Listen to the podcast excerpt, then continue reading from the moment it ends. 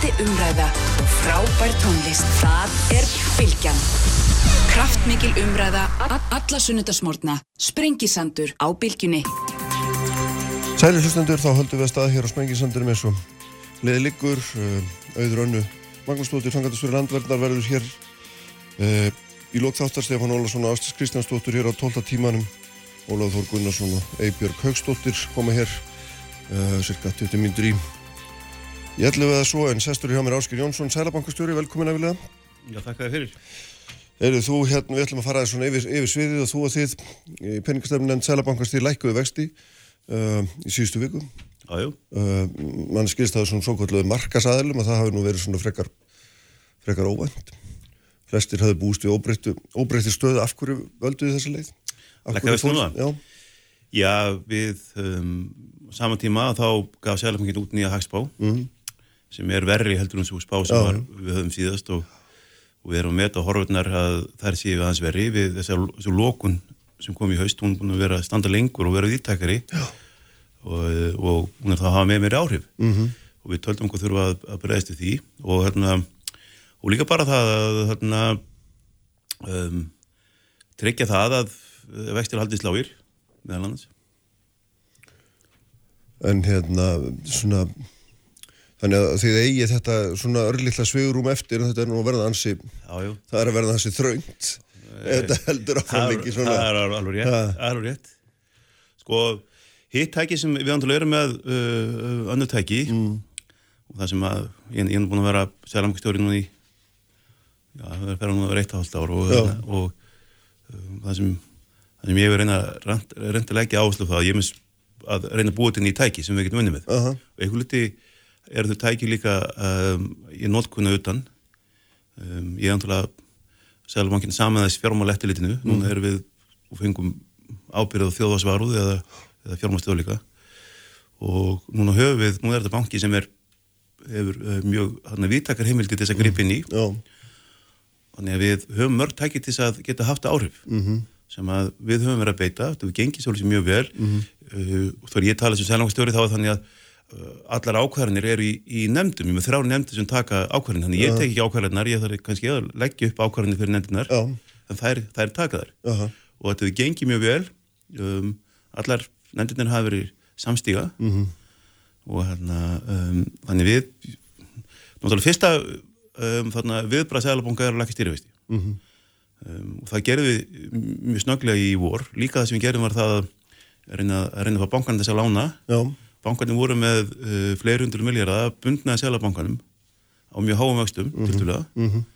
-hmm. uh, við lokuðum á það og íttum þessu lausafjóti kerfið og uh -huh. bara sögðu, sögðum að bara lániði uh -huh. síðan lækkuði á, á einfjöraukum og framins og uh -huh. lána á endurfjörmagn og, og þeir hafa gert það þeir hafa lána meðalans til fastnakaupa um, fastnamarkaðan var komin í, í hálfgeti öngstrættir í vor um, byggingarreinaðurinn og ég, ég óttast að þá að byggingargeri myndi bara fara á eftir ferðarþjónstinni og það er gengið vel og okkur er hefnast að lækka vexti. Uh, í kerfi, það, það er að að þessi töfaldagagerð uh, takst í raustinir 1% og, og sleppa lausi í fjótu kerfið. Það uh, leytið þess að, að lækkunin hún bara gekk allaveg niður. Ég, ég held til að allir sem er á breytilegum vöxtum hafa, mm. hafa séð vastalækun Já, akkurat, en það sem að svona, ég að mörg okkar sem erum svona jónar bara venilegir út í bæ, við, við skiljum ekki alveg þetta ferli vegna þess að síðan þegar maður fyrir að skoða þetta nánar, þá kemur í ljós að vextir, til dæmis á fyrirtækilánum, skuldabrjöfum, er alls ekki að lækka. Heldur þert að móti er einhver, einhver, hérna, hækkunarferli þar og núna síðast gerist það líka að hérna, ríkisbankar tveir ákvaða að hækka vexti á fastinglánum sinum og þannig er einhver, er einhver þversögn í gangi eða hvað? Já, ég skal, ef ég held áhrifin um söguna, þá er þannig að, að, að það sem gekk heldur verð, eins og ég, í þessum aðgerðum ykkur vor, að, að lækka vexti á, á fyrirtækilánum og það sem gerðist að eitthvað leiti það að bankarnið þau bara hækkuðu á marginuna mm -hmm. og þeir töldu þessu þurfa þess að þetta væri bara svo mikil áhætt og, mm -hmm. og þannig að fyrirtíkastur hafa eitthvað lækkað en, en, en við, við hefum ekki náð eins miklum árangur þar mm -hmm. um, og það er eitthvað sem við þurfum að skoða og, og það sem er auðvitað þegar bankarnir segja að þeir þurfa að vera, að, vera að fara varlega að vera prútent en við ætlum að vinna vinni því á, á, á næst ári. Og um, að reyna, að ná 40 veistum niður og, og ég líka svo sem bjóst ekki við að það er því mikil ný fjárhusting þegar COVID er sko, þegar, það er ekkert ljós fyrir enda gangana. Sem ég vil óvisa hver vil hætta fjármunum sínum þegar það er sko hvað var að skuldabræðvesti þá, þá kynntum við nýtt tæki sem eru uh, kaupa á ríkiskuldabræðum sem að rundi til þess að taka niður lántíðamest eins að uh, svo ef ég reyna að útskýra sko, að, að uh, ríkisjóður er að fara að gefa út mjög mikið að skuldabröðum að hún, hann, er að fara í aðgerir hún vantar penn, tekið hann á horfið. Já. það var svona ákveðin hægt að því að útgáfa ríkisjóðurbröð að keiri upp lántíðamest í landinu. Og það er alveg svo hægt að það er fyrir hendi og ég, við það sem við sáum er það að við myndum taka stuttuvægsti niður svo myndum ríkisjóður íta löngumvöxtum upp bara með því að selja skuldabröð þannig þannig að við uh, erum með þetta tæki að fara í, í, í, hérna, skuldabröðkaup og við erum rétt að byrja. En sko og er, erum við við erum með 150 miljara og við, við erum að fara að byrja það að sér vegfyrir núna. En, en sko það sem dákvinn vandi að því að um, um, gengi krónar það fjall í vor og það er eðlilegt að gengi krónar falli þegar við verðum fyrir mm -hmm. útflutnins áfalli um, við verðum með eiga, við verðum með það verður að jafnvægi með þessum flytti minna út. Ég veist, þegar ferðanstam var reysastór útlendinsadnvegur og hann, hann kemur aftur. Þannig gengið þurft að falla og, og við lögðum gengið að falla fyrstu 10% í vor. Aha. og síðan uh, reyndum við að halda það jafnvægi um, inn í haust að þá kom högg á gengið. Um, það er að segja að það var stóri erlendur, uh, stóri erlendur aðeil að selja út með 45 miljar stöðu í ríkiskuldabröfum um, sáum við það að það voru svona ymsir aðri aðeilar í Íslandi að veginn, það kom þessi hugsun hjá greinlega fólki að gengi var að fara að lekka meira og svo fór allir út. Þannig að, þannig að, þannig að ég þannig að við, þurft, þannig að við þurftum að taka september og oktober í, í, í að stabilisera gengi sem voru það og við gerum það með því að selja gjaldiri mm. við, se- já, við, við seldum 80 miljardar af gjaldiri en það er ekki nóg. Þegar þú- þegar þú stabilisera gengi mm. gjaldiri þá tekur krónur úr umferð og um, og, og um, þannig að langtíðanvesti hækkuðu og það var nöðsjöld að langtíðanvesti hækkuðu til þess að stabilisera gengið og það hefði ekki gengið að, til dæmis að ég fari að kaupa eða Sælabankin ásakið mm. ég tala um ég og Sælabankin sem sama að, Ok. okay. að, að Sælabankin hefði farið að kaupa skuldabrif sem er raunin að prenta peninga og setja lausa fjö út í umferð. Aha. sama tíma hefði þessi peningur komið tilbaka uh, sem útfæði gerum gældinsmarkaðin þannig ég, þú, þú getur bara gert tvent í einu, Ann, annarkot ætlar að stabilisera gengið eða, eða hafa áhrif á langtíðumesti þú verður alltaf velja þar og, og ég, við völdum það að stabilisera gengið. Það hefur hefnast. Þannig að þú blæst að þessar gaggrinni sem hefur verið upp um það að hérna, Sælabankin hafi raun og verið sínt af sér gáleysi, aðgerraleysi á þessum skuldabriðamarka. Yeah. Er búið, þeir eru búin að kaupa fyrir 2 miljardar skils mér af þessum 150 sem að löngu að búið að lýsi verið að þið ætluðu að gera. ég myndi ekki segja eh, eh, ekki gáleysi þarna á þvert á móti um, svo hérna að ég hann er háskólaprófessor var þá, þá ég kynnt þetta þá sagði ég hérna nú ætlum ég aðeins að fara yfir hagfræðin í þessu sko. Og það var að tólka þannig að ég var að segja þessi markasæðilega kynni ekki hagfræði. Jú, þarna Nei, þarna, en sko Nei, þetta er sko uh, uh, við erum lítið opið hagkerfi. Já. og, og, þarna, og það býr upp í ymsa möguleika. Við, við, við erum sveginleir, við eigum að geta bröðist hraðar við heldur en aðra þjóð, við eigum að geta komist hraðar út úr þessu en margar aðra þjóður þessar stóru þjóður en, en, en það er svo, svo lítið kerfi það dettur svo auðvitað úr hann í afvægi og, og þetta er eins og gengi krónar í, þarna, að uh, við, ég, bara, við urðum að verja það. Og, og ef það hefði fallið meira það hefði botni farið aldrei úr kerfinu. Og þannig að, þannig að, þannig að Þannig við settum fókusin það að, að vera, vera gengið og, og, hérna, og ég hefði ekki endilega mjög mikla samúð með uh, einhverjum skuldurbræðum meðlurum eða, eða, eða þjósturum sem voru, voru, að, að þarna væla á meðan. Núna er gengið stabiliserat, núna getur fókus vera á lóndumkrónu, en saman tíma líka uh, það er verðbólka hún er að fara í gennum kerfið. Já. og það verðbólka er eitthvað þrjú, hvað? Þrjú, Þrjú, leiðis. þrjú, fimm. Uh, langi vextir eru 3% og, og þarna það veri, það veri mjög mikið gálisi að, leggjast á langaróðu og berja það niður og, og móti langri verðbólgu. Og, og því að þrátt fyrir allt það eru ríkisjóður að fjármagna sig á, á, uh, á þessum markaði. Og, og hérna gæti þess að verið stórir aðalega sem myndi bara selja á mig ef, ef, ef, á, á okkur ef, ef, við- ferum að selja. Þannig að þannig að þannig að, þannig að þannig að síst, við Þannig, ég myndi segja það að við, við getum við, við, við erum að fara að örfa kerfið en hvert skref sem við stígum það verður að vera varlega niðursett. Uh -huh. og að, að það sé ekki, ekki að fara að koma í hausin á ég veit ekki hvort þessi skýr þegar ég er, er að segja frá þessu. Ég var 20 ára að kenna peningahafræði og, og, og en, en, en sko hluta þessu sem þú ert ekki búin að nefna er þetta hérna, vendingastjórnun og, og ah, hvernig vendingastýra hérna, uh, hérna, vonumann og þrám getur við sagt. Já. og þeir, hvernig þeir stýra hérna, vaksta leiknin er ekki kallað það? Og, og þegar að þú segir hérna, einu orðin ég ætla að kaupa hérna, skuldabrið fyrir 150 miljardar og kemur svo bara með tvo þá, þá hérna rapa vendingarnar og þá hækka vextirnir er þetta ekki nokkurt með einn svona jú, jú.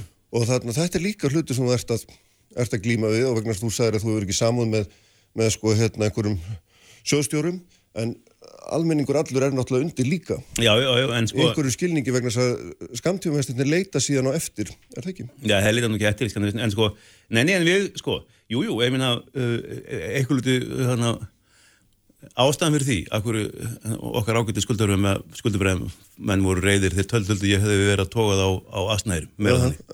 að því að ég listi því yfir bara í voru að við ætlum að byrja á þessu tæki. Uh, þeir bröðstuð langi vestur lækkuð þegar við listum þessu yfir. Og við náðum að halda það mjög lágum og lengi á þessu rauninni að gera nýtt sem -hmm. ég mhm. til að vera frábæra nárangur mm -hmm. um, en, að, en það byggðist á því að menn vissu að þú varst að koma eða já, jó, þeir, hef, og, og það er ennþá þannig. Hérna, við, við, við getum komið inn hvernig, sem er. Þannig að um, sko og síðan þegar við lendum í þessari gengiðsvörð sko og, og sem ég taldi verið algjörlega algjörlt grundallarrattirið við mm. stabilismun krónar mm. að, að, að, að uh, þá urðu við, urðu við bara að bara taka það markmið fram meður hitt og og og, um, og já það er þannig og þarna um, ég gæti ekki verið að ef við gátum ekki verið að prenta peninga mm. um og setja út í kerfið meðan að þeir voru að flæða út og í rauninni þá þurfkuðu uh -huh. upp kerfið. Uh -huh. Sko bankarnir hækkuðu vexti á, á fimm ára lán, eða fimm ára vöxtum uh -huh. og það stafar að því að, að þeir hefur gengið ítla að selja sértilbreyf þegar verða að funda það þannig. Um, Sértilbreyf við notaði til þess að fjármagna fastingalanin sín. Til, til, til, til fimm ára. Já, akkurat. Og bankarnir til þess... Og þeir get ekki selta eða vil ekki selja vegna þeir þurfa að borga á mikið fyrir það. Er það ekki vandamálið? Jú, eða bara það að, jú, eða það bara skortir þegar ekki útbóðum það ekki gengið nægilega vel ekki á, ekki á þessu vöxtu sem er uh -huh. og þá lendaður í vandröðum og þá hættar vöxtu og þeir hafa komið með það brefin þeirra já. sem við hefum ekki gert um, um, já, já, en ég minna saman tíma eh, þá fastamarkaðunum, ég, ég tel að hann þurfu ekki andilega mikið meiri örfun Nei. Eh, þú sjáu það eh, við, við, við viljum ekki andilega sjá fastan vera hækkandilega mikið Uh, ég vil sjá um, fyrirtækilánin fara á stað mm -hmm. og það er líka ástæðan fyrir því að lækum stýrivesti um, fyrirtækilánin eru á breytilum vöxtum, fljóðandi vöxtum mm -hmm.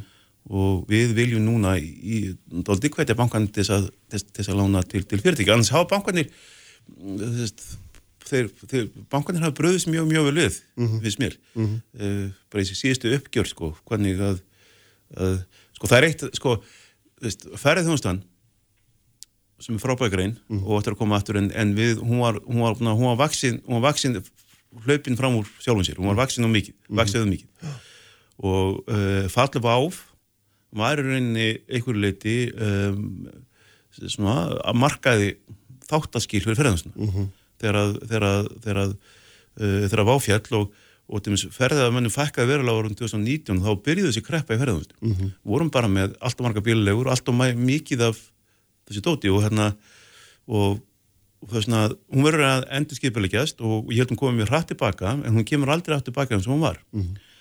og við verðum að hugsa líka það að, að þó að það sé gott að fókusera á fyrirtæki sem er í vanda þá er ekki góð efnaðstefna að dæla peningum í, í, í, í hálfgjaldrúta fyrirtæki og hugsa bara um það, við verðum að hugsa um, um, mm -hmm. um nýja fjárhastingar uh -huh. um, um, um nýja lendur sem við verðum að, og, og það er það sem við erum að reyna að fókusera á. En þurfum við ekki líka að verja að verja einhverja stöðu sem við getum spynt okkur upp frá þegar einhver glæta kemur og, þarna, og það er það sem maður hefur ágjur af að, að, að hérna, hún verði ekki fyrir hendi.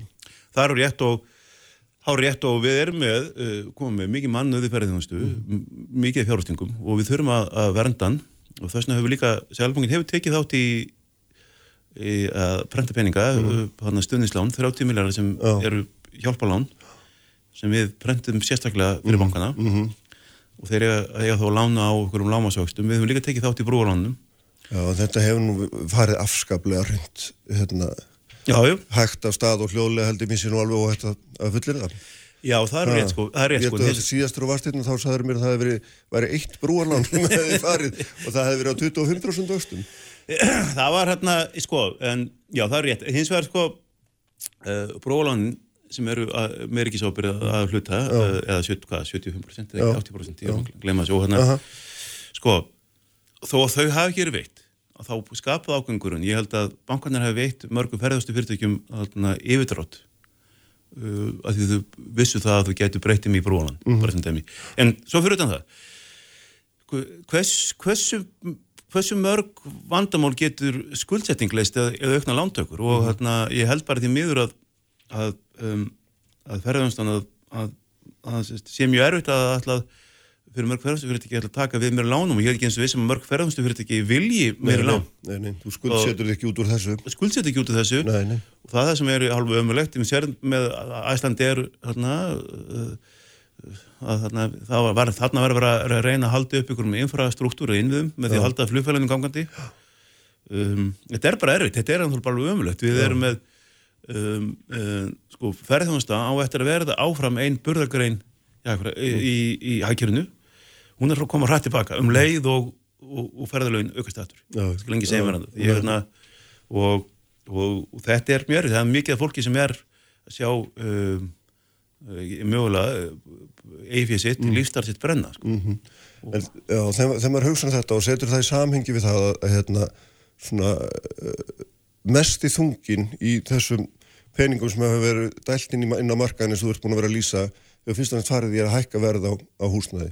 Þetta er fyrst og næst fyrir sem að hérna, ringrásar í, eða, hérna, fer í ring á húsnæðismarkaði uh, er fært á milli reikninga og, þarna, og sem hefur haft að í sér að húsnæðisverð hefur snar hækkað eins og ólíklegt og það hérna, hljóma nú í enni dýstu kreppu síðustu hundra ára. En, en það er nú bara starrendin og, og það er gaggrinni sem að eh, snýra þessu er þetta svo að við séum að fóðra þennan fjanda í stað þess að veita fjármagninu þanga sem að það þyrst að fara Já, já, það er vissu þannig að bankarnir mm, náttúrulega taka ákvörðunum hvað til lána um, húsnæðasláni eru í rauninni örgustu lán sem þeir getur veitt mm. Já, sko um, þetta eru 150 miljardar sem vildi þeirra á lánaði í húsnæðaslán ég, sko, já og nei ég meina ég, um, fastnamarkarinn hann var miklu slaka, mm. byggingagerin var um, hann, hann var að lendi í vandræðum um, og sumulegt er mjög gott að marg, við töldum líka upp á fjárhá heimilina mm það var mjög mikilvægt að fastnæður myndi ekki lækka ofan í það. um, ég seti að þetta hefur bara gengið til dælu vel, við hefum séð uh, fastnæmarkað, við hefum séð mikið ungu fólki komin á markaðin. um, um, það hefur, uh, er, eru umsöf þar.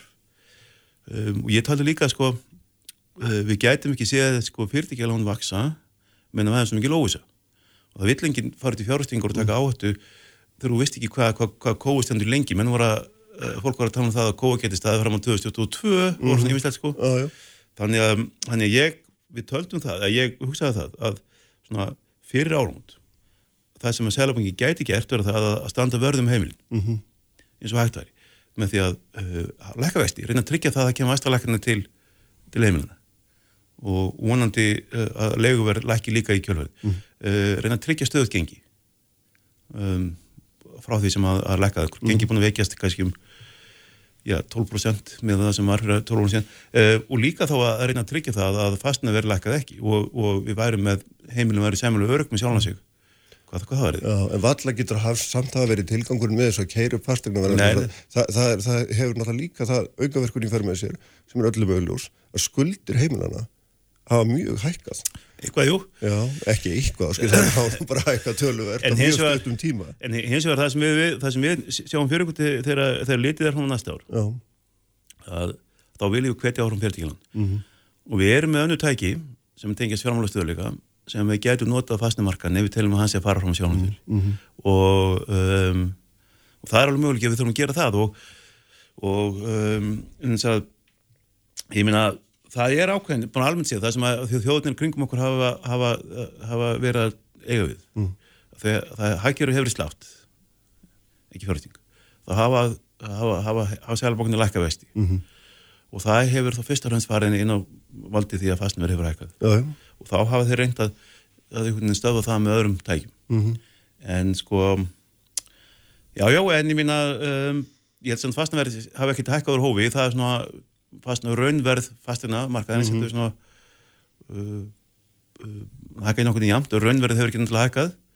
En þetta er ekki svo kláleika sem við þurfum að hugsa um til. Eh, þegar við litið fram á tíman vegna þess að hver skipti sem hún lækkar vexti þá hérna telur fólk sem hafa svigurum umfram þessum áður hafa til að skuldsetja sig og, og fólk telur, já, já, en, hérna, en bara en hins vegar að segja, það er bara eins og staðverð í margs að mm. þá, það sem við hugsaum um var bara að, að, að fá fólk þess að eða, eða penningum uh, og eða peningum um, þarna, gera eitthvað og mögulega taka lán, já, já. og hann er að Þannig að þegar ég, ég, ég var að gera um borginna svo fólk í búðum, þá væri bara svaka ánaður, bara fólk er að, fólk er að bregða stjóðu eða peningum uh -huh. og að því að það myndaðist þessi svaka hóla í hagkerfinu uh -huh. þegar að, að ferðast hann hvarf. Uh -huh. Svaka hóla sem við reyndum að fylla með því að örfa eilandi eftirspil. Við fengum þetta síðan á okkur aftur að það voru nýja lokanir og við möttum að sjá hvernig jólavertíðin verður og hérna og og, og hérna svo þegar, þegar, þegar við, erum, við erum komin fram og þá auðvitað við, viljum við sjá ný störf. Mm. við, við viljum örfa fyrirtækilán við viljum, viljum sjá nýjar fjárhustingar og, mm. og, þá viljum við sjá bankan að nýta uh, efnaðsefningi sinn til þess að, að, að lána fyrirtækjum en, en ekki endali í, í hérna fæsningum en, en, en það er eins og eins og þeir sögðu nú í, í hérna minni heimasveit sko það orkar allt, hvað sé sko, tvímælist þá gert er sko. Mm -hmm. Já, já, það er rétt, auðvitað er þannig, en hérna sko þetta er auðvitað líka einhvern veginn, sko þetta hangir sama við það að út úr svona kreppu þá fer ákveðin hópur, eða fer í gegnum manna bara með öðvöldlega meðan að það er annar hópur, kannski 20%, 30% sem að á í verulegum vanda, ég veit ekki hvað er nákvæmlega mikið. Og þegar, við, þegar að fjármunninir, hinn ofinberu, fara inn á fastegnamarkaðin, þá nýtast þeir fyrst og fremst þeir sem eitthvað eiga. Hinnir verða afskiptir. Og mér finnst þetta áhugavert vegna þess að, að þarna, þú sagðir á fundir húnum daginn að, að, að það var ekki þitt að stýra því hvernig ábatinn af hérna, peningaprenturunni hvert hann færi. Og þarna svona, og mér finnst þetta merkil yfirlýsing vegna þess að Veist, þetta er mikið ábyrð að setja pening út í hagkerfið og, og horfa á hvert þeir fara og ef þeir fara ekki á rétta staði þá eru þeir ekki að gera það gagd sem þeir eiga að gera. Jájó, ég finnst að segja það sko, við, við höfum ekki sko aðtóða það sko, eh, við, við höfum ekki sett neitt peningin á fastumarkaðin Nei, nei, ég átta mig á því en, ekki, ekki beint, en, þeir, nei, nei, en peningarnir sem hefur ofnbæra er að dæla inn í kerfi það fer þangað, ekki satt? Nei, það það ekki, ég minna sko, hefur ofnbæri er, er tveir, tveir armar, annars mm. var Sælabankinu hins var hérna um, hérna sko fjármálaða sko ráðundið eða sýst í mm -hmm. með fjárlegin og umbúðið og hérna Sko bankarnir við, við, það sem við gerum, við leiðum bankunum að lána, við lækkuðum á það það. Er það sem ég er að vísa já, til. Já, já, myna, en þetta er samt ekki pinningar ríkisins, ég minna við, sko bankarnir voru með, uh, með hæstu einhjórn hvaðir. Uh, Mér finnst þetta að er, alltaf leið, þetta er ekki pinningar ríkisins, þetta eru er peningar sem var veitt út úr ríkistofnun inn á markaðin, ef ekki að orða þannig. Nei, nei, það er ekki eins og heldur, það, nei, nei, alls ekki sko, nei, en, okay. en, en, en það, það er engin þess að vera um peningin í okkur. Uh, við eins og verðum Að mm fyrir 30 myndi nelón sem bankanir hafa leiði með síðan síðustu árin mm. og Sælabankin hefur verið að búa til fyrir það vaksta bara með því borgum vexti. Við lokuðum því.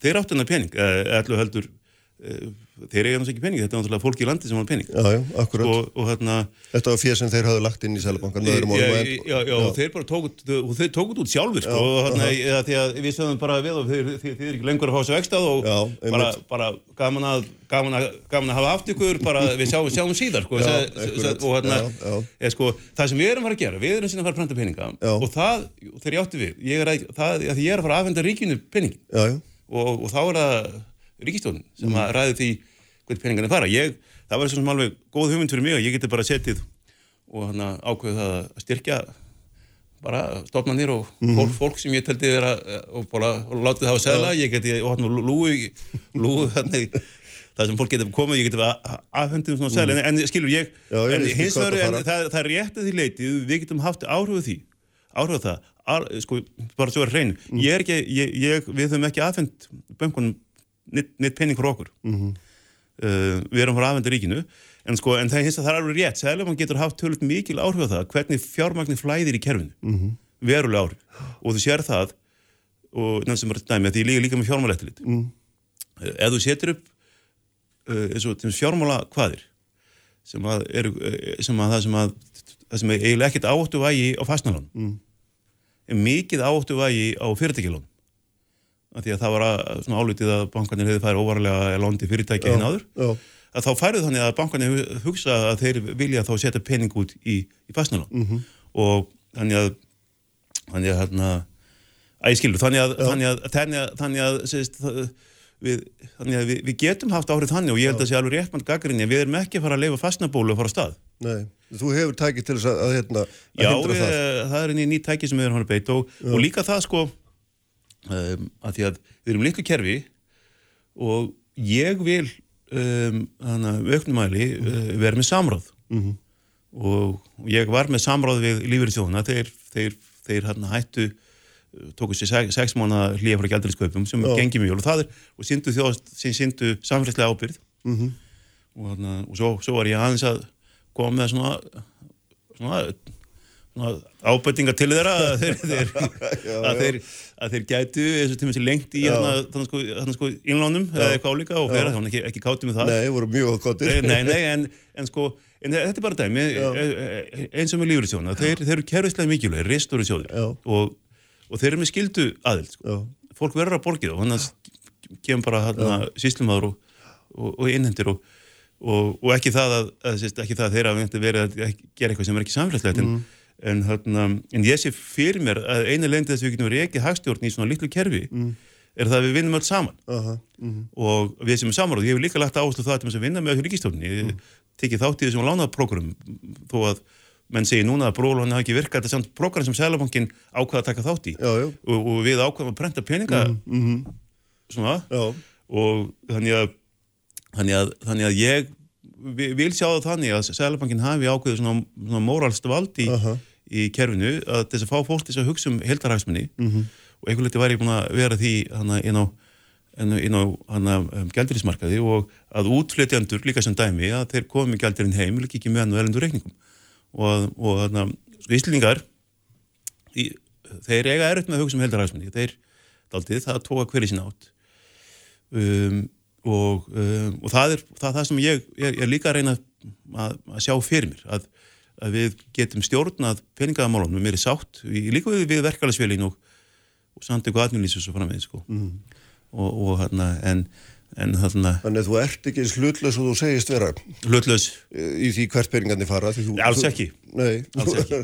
en segðu mér að ég forvitin í þetta, hvernig ætlar, hva, hvaða ráð hefur til þess að, að hérna, vinna gegn fastegnabólu? Hvernig, hvernig ferðu að því? sko það er okkur tæki sem við getum gert sko, sem við getum notað við, þarna, við getum takmarka skuldarhlutul það er að segja bara bannað uh, öll- að bannað uh, fastnalán sem eru með meiri veðsetningu 75% sem dæmi. Um, getum sett uh, ákveðin takmörk á uh, hvernig banka nota um, efnaserringin til, til fastnalána. Um, svona ímsi svona þætti sem við, við, við getum gert sem að takmarka það hvernig, að því að fastankaup eru skuldsæstu kaup sem tilur yfirlt þegar fyrirtæki fá lán dæmi, þá verður það að komum miklu meira miklu meiri veðheldur og þart uh, með fastankaup, þetta er fastankaup eru til dælu skuldsætt, þú, þú þarf eiginlega ekkert annað sem þú farð að kaupa kannski með 20% stegi fyrir, 25% stegi fyrir eins og fastankaup, þannig að, þannig að við, við þá þristum á það. Uh, oft hefur Sælabanki lent í vandræðum í fortíðinni með ríkistjónuna sem hefur unnið í, í, unnið í öfu átt með því að þarna, telja það að, að það sé bara hluti á ykkur í stefnu að allir fái fastnælón. Þess vegna til þess höfum við áhyggjur á hlutabótaliðinni, ekki hlutabótaliðinni, þannig að hvað er þetta? Þannig að það sem að... Já, hlutdeildarlánunum. Hlutdeildarlán, ég var hérna, ég fann að ruggla sér allir saman og, hana, og við höfum áhyggjur á ekki hlutdeildarlánunum og, og sögðum það að, að, að þau mættu bara fara til þeirra sem þurfti á þeim að halda og, og þessi millistéttin væri ekki, ekki verið að fá þetta sko. Það, það hefði sko þarna, tröfla okkur sko. en þarna og ertu í raun og veru, þú ert að segja mér sérst að innan einhverja fára mánuða þá komið það til greina að Sælabankin stýði fram með daginn og segir hérna, nú má engi fá hérna, lán sem að, þar sem að íbúið veðsett meira 75%. Alveg mögulega. Það er alveg mögulegt. Ég veit ekki, já það er alveg, alveg möguleiki við, ég er með fjármálastörleikanefnd og ef hún telur það já. og ég get svolítið ekki tala fyrir nefndinni, ég forma nefndarinn en, en ég, ég breytti atkvæði nefndinni. Akkurat. Ef, að, að nefndin telur það að þetta sé að fara einhvern veginn út böndunum og það er alveg möguleiki að það gerist. Mm en þess að þarna um, en þess að sko um, svo ég tala, tala bara um scenarjó en þess að þarna eh, ef, ef raunhækjari verður mjög sent að koma svo stað og við, og við verðum að halda lág vöxtum lágum og svona þá getum við sér fastna verið fara að taka á þessu og við þurfum þá að stoppa það mm. en, en og að því að við, þá þurfum við samt að halda vöxtum lágum til að skapa störf örfa, örfa fjárhustingar en þurfum þá að reyna að halda fastna markanum í skefjum Við, við, við, við viljum ekki sjá, sjá hérna, um, ómjögulega hækkan fastmæri og ómjögulega skuldsinningu. Og hérna, og hérna... Þannig að þú viðkennir þessi stað að sé uppi sem ég var að lýsa og hérna er greinlegt að þú hérna, hefur, hefur hérna, umtalsverðar að þetta geti... Ég, hún, hún, er ekki, hún er ekki uppi núna, en, en ég... Nei, en ég hún gæti verið í uppsýklingu. Já, já. já ég minn það er alveg möguleik. Ég, þú veist Þarna, það, það, það að vera þarna, sko, það að vera sko sælangstjóri félur í sér að þú, þú þart að þurfa að fara að sofa á þannig kvöldin og þá þart að velta fyrir þér framtíðinu og scenarios og hluti sem þú gerir í dag hvað áhrif þurfum að hafa ekki til þrjá mánu, ekki til sex mánu, þetta er til eitt ár og hvað þetta að gera þá. Og um, við höfum náttúrulega ákveðna reynslað utan eins og frá hann Skandinavíu um, og, um, og svo framins þannig að og þetta er þegar þú ert að eiga við svona hagkerfi eins og Ísland sem er, er litli markaðir og þegar þú ferða að hafa afskiptu á einu markaði það hefur áhrif á aðra og, og þetta er svona, þú ætti að halda mörgum boltum á lofti. Þetta er mikil jafnbæðislist með öðrum vonum. Þetta er mikil eh, jafnbæðislist og eins og saði áðan að þarna, uh, ég, ég, við töldum það vera algjört grundatalatriði að, að, að verja króna komum veg fyrir hún vektist, við, við töldum okkur ekki geta lagt á heimilin núna og hún vektist meira mm -hmm. og kjara samling og allt þetta og þá fóluði í sér að, að vörnum fyrir krónuna, fóluði í sér, ég gæti ekki verið að, að, að verja að verja það skuldabæramarkaðan að tryggja það langtíma sem það hækkuð ekki. Og þá fær maður gaggrinni þaðan. Og svo verðum við óa gladur eða sérst bara við töldum að vera bara koksa hérna í vor. Og bara þetta væri, væri bara hækkir að vera leðin niður í eitthvað svakalega samdrótt þannig við kerðum á, á bankana ekki, kerðum á, ránt orðaleg hvöttum og þeir lónið til fastnaverkana og þó fara maður gaggrinur það að það sé komið og hérna, æði skil, þetta er Já. þetta er þetta er vand uh, lifað sko.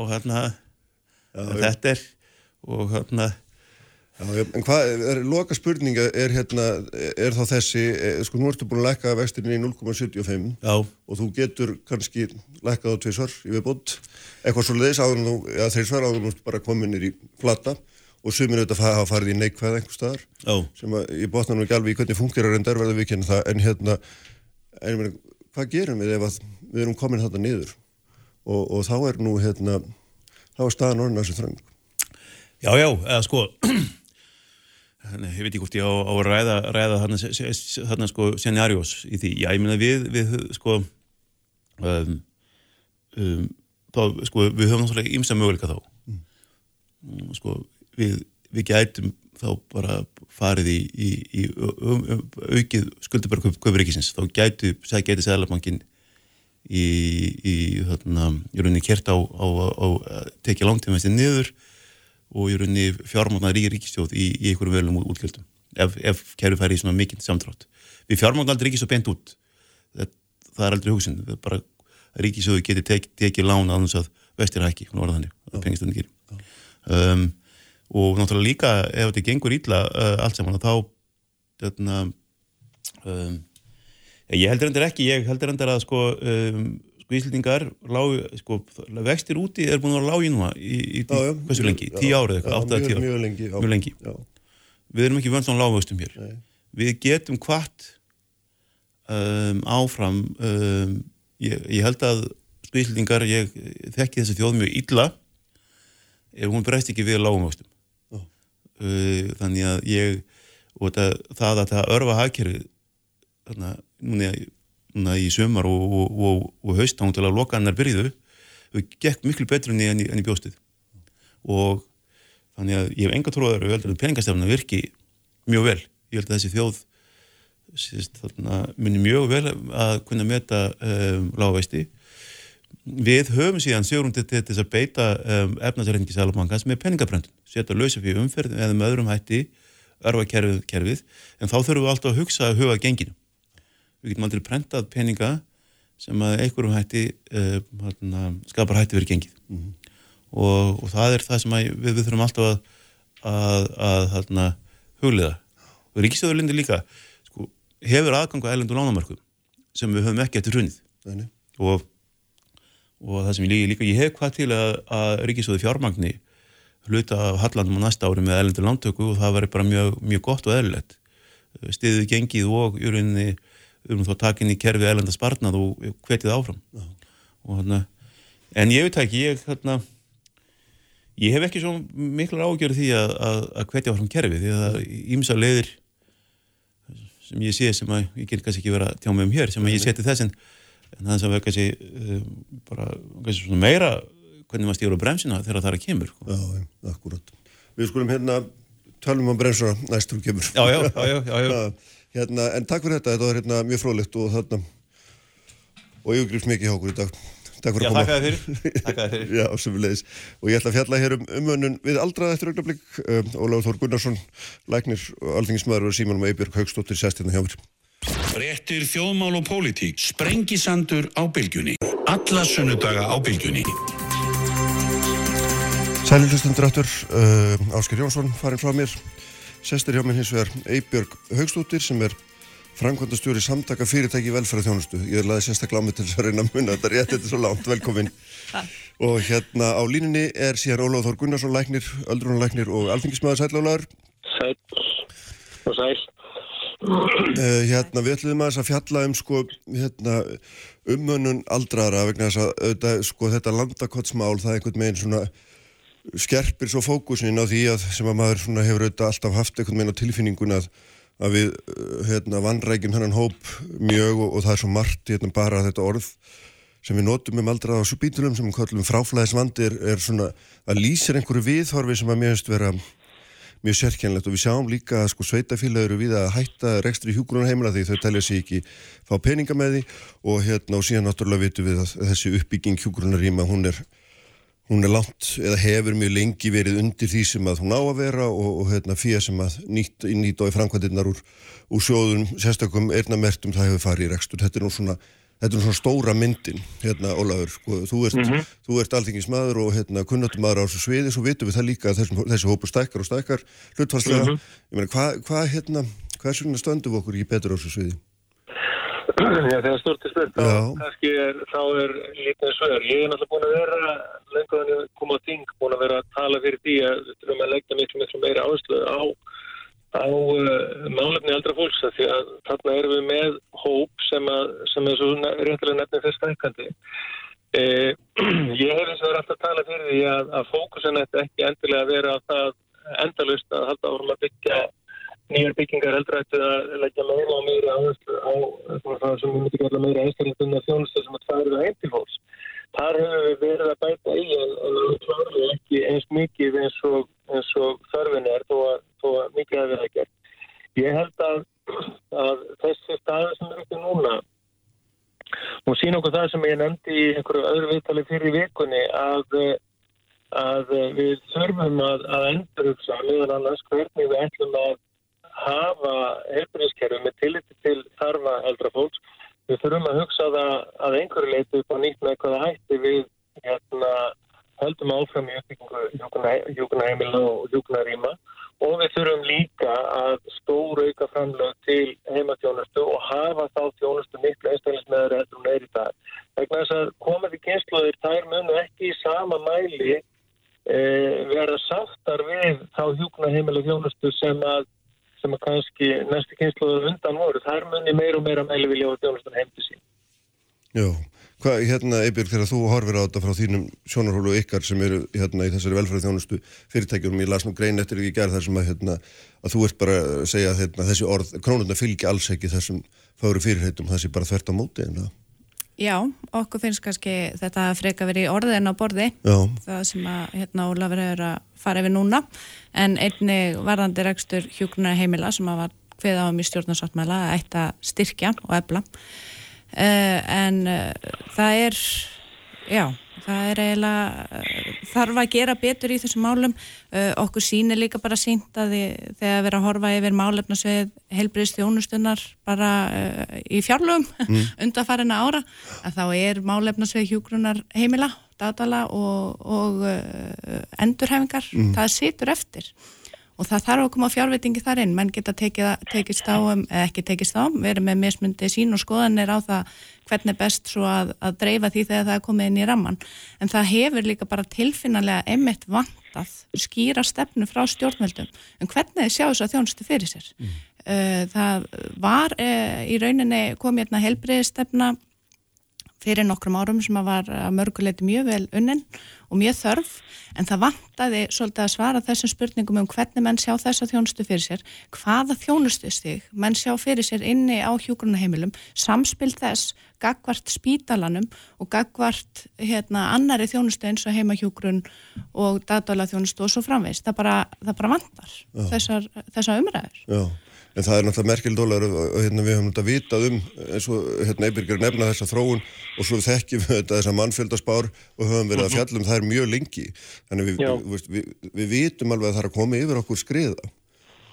Já, það, sko, ef ég nota sagt, ef við segjum ég nota kannski í smástöndu öldrunarleiknis að þá höfum við vitað það í tón okkur tíma að uh, þessi staða Það er að segja þessi fjölkun eldriborgara, hún, hún væri yfirvandi og líka þessi lífræðilega breyting sem er að verða með, sagt, með það að, að fólk er í meira og meira mæla að sækjast í að, að búa sjálfstætt eins lengi og það mögulega getur. E, stjórnveld hafa í gegnum tíðina ekki og ekki tekið, sagt, hvað maður segja, ekki, ekki tekið nægilega mikið tillit til þessar breytinga. Nú er þetta stjórnveld hafa verið að reyna að taka taka þessa, þessa stefnu og, og það eru áformið mjög hjúkunaríma en við þurfum að gera meira og við þurfum að taka betra og varðandi þetta síðan með gröðin sem að Eibjörg rétt, réttilega nefnir að það er, er henni, það er í stjórnarsáttmálanum að, að, að endur skoða gröðin. Nú er sem betur fyrir uh, farin að stæð nefnd eða, eða stafsóparvegar á þetta 7 km Magnússonar sem er að endur skoða og endur meta þennar rekstrækjum og reyna það að koma tilögur. Ég vona að það er tilögur lítið dagsins fljótt og vel þannig að vera að fara eftir þeim og, og, og taka tillit til þeirra.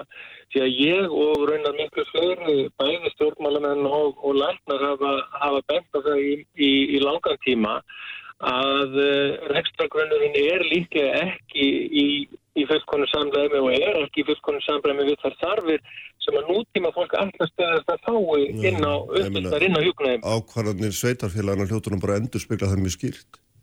Já, en það er, það er náttúrulega svolítið sérst að þetta samspil hérna, sveitarfélagana og ríkisins í sambandi við eh, sko rekstur öldruna þjónustu yfir leitt og, og uh, menn hafa bæði viljandi og óviljandi svolítið kasta bóltanum á milli sín með það í gegnum tíðina sko með hver á að borga hvað og hvar hvaða reikningur á, á að landa og núna þá í rauninni taka að minnst að sem sveitafélag þessa ákvörðun að þau treysti sér ekki lengur til þess að til þess að uh, reka sínar reka sínar stofnarni eða taka það til östur sínar stofnarna. Það er mjög miður þannig að ég, ég held og er alveg samfærið þarna að uh, sveitafélagin er að mörgu leiti miklu eðlilegri þáttakandi lífæri þjónustu sem næstjónustu heldur en kannski ríkisvaldi sem ætti miklu frekar að, að e, sko svona snúum um stóru línunar í, í, í aðra stóra línur í erbjörnstjónustu.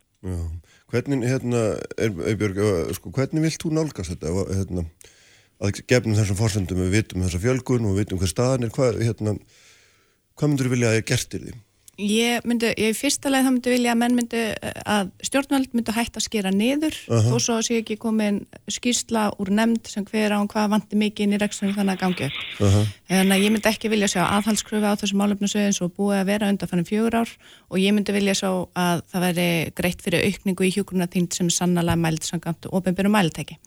Uh, svo myndi ég vilja að er þið farið í alveru og umfangsmikla stefnumótun á þessu málefnasviði mm. er það hort á þennan aldra íbúa eða þennan aldra einstakling og reynda að kortleggja betur þá þjónustu sem hann á rétt á að fá og hvaða þjónustu á að veita á hverjum stað og náttúrulega það er mjög snuðt þegar að menna að skoða það hvað þjónustu á að veita á hverjum stað sé líka þá hort til kostnar og uh, reynda að draga fram mynd sko að því að uh, þessar tölur eru líka bara svo ofta á reiki umræðinni og ég held að það sé ekki til bóta Uh, og það þarf líka, en aðalspurningin er hvaða þjónustu sé á veitin á hjógrunaheimilum mm -hmm. til dæmis, hvernig á það spila skakvart spítalan, þannig að íbúi hjógrunaheimila sé ekki lendi því að þurfa að fara på spítal og óþörfu, heldur að sé tryggt að ég geti fengið nöðsilega þjónustu innan vekja heimilana, mm -hmm. það þarf að ebla stóra ebla endurhefinga þjónustu ebla dagdvala þjónustu til þess að koma senka því að einstaklinga þurfi að fara inn í hjókurnaheimili því það er alveg rétt að sem Ólaður segir þú veist það er engin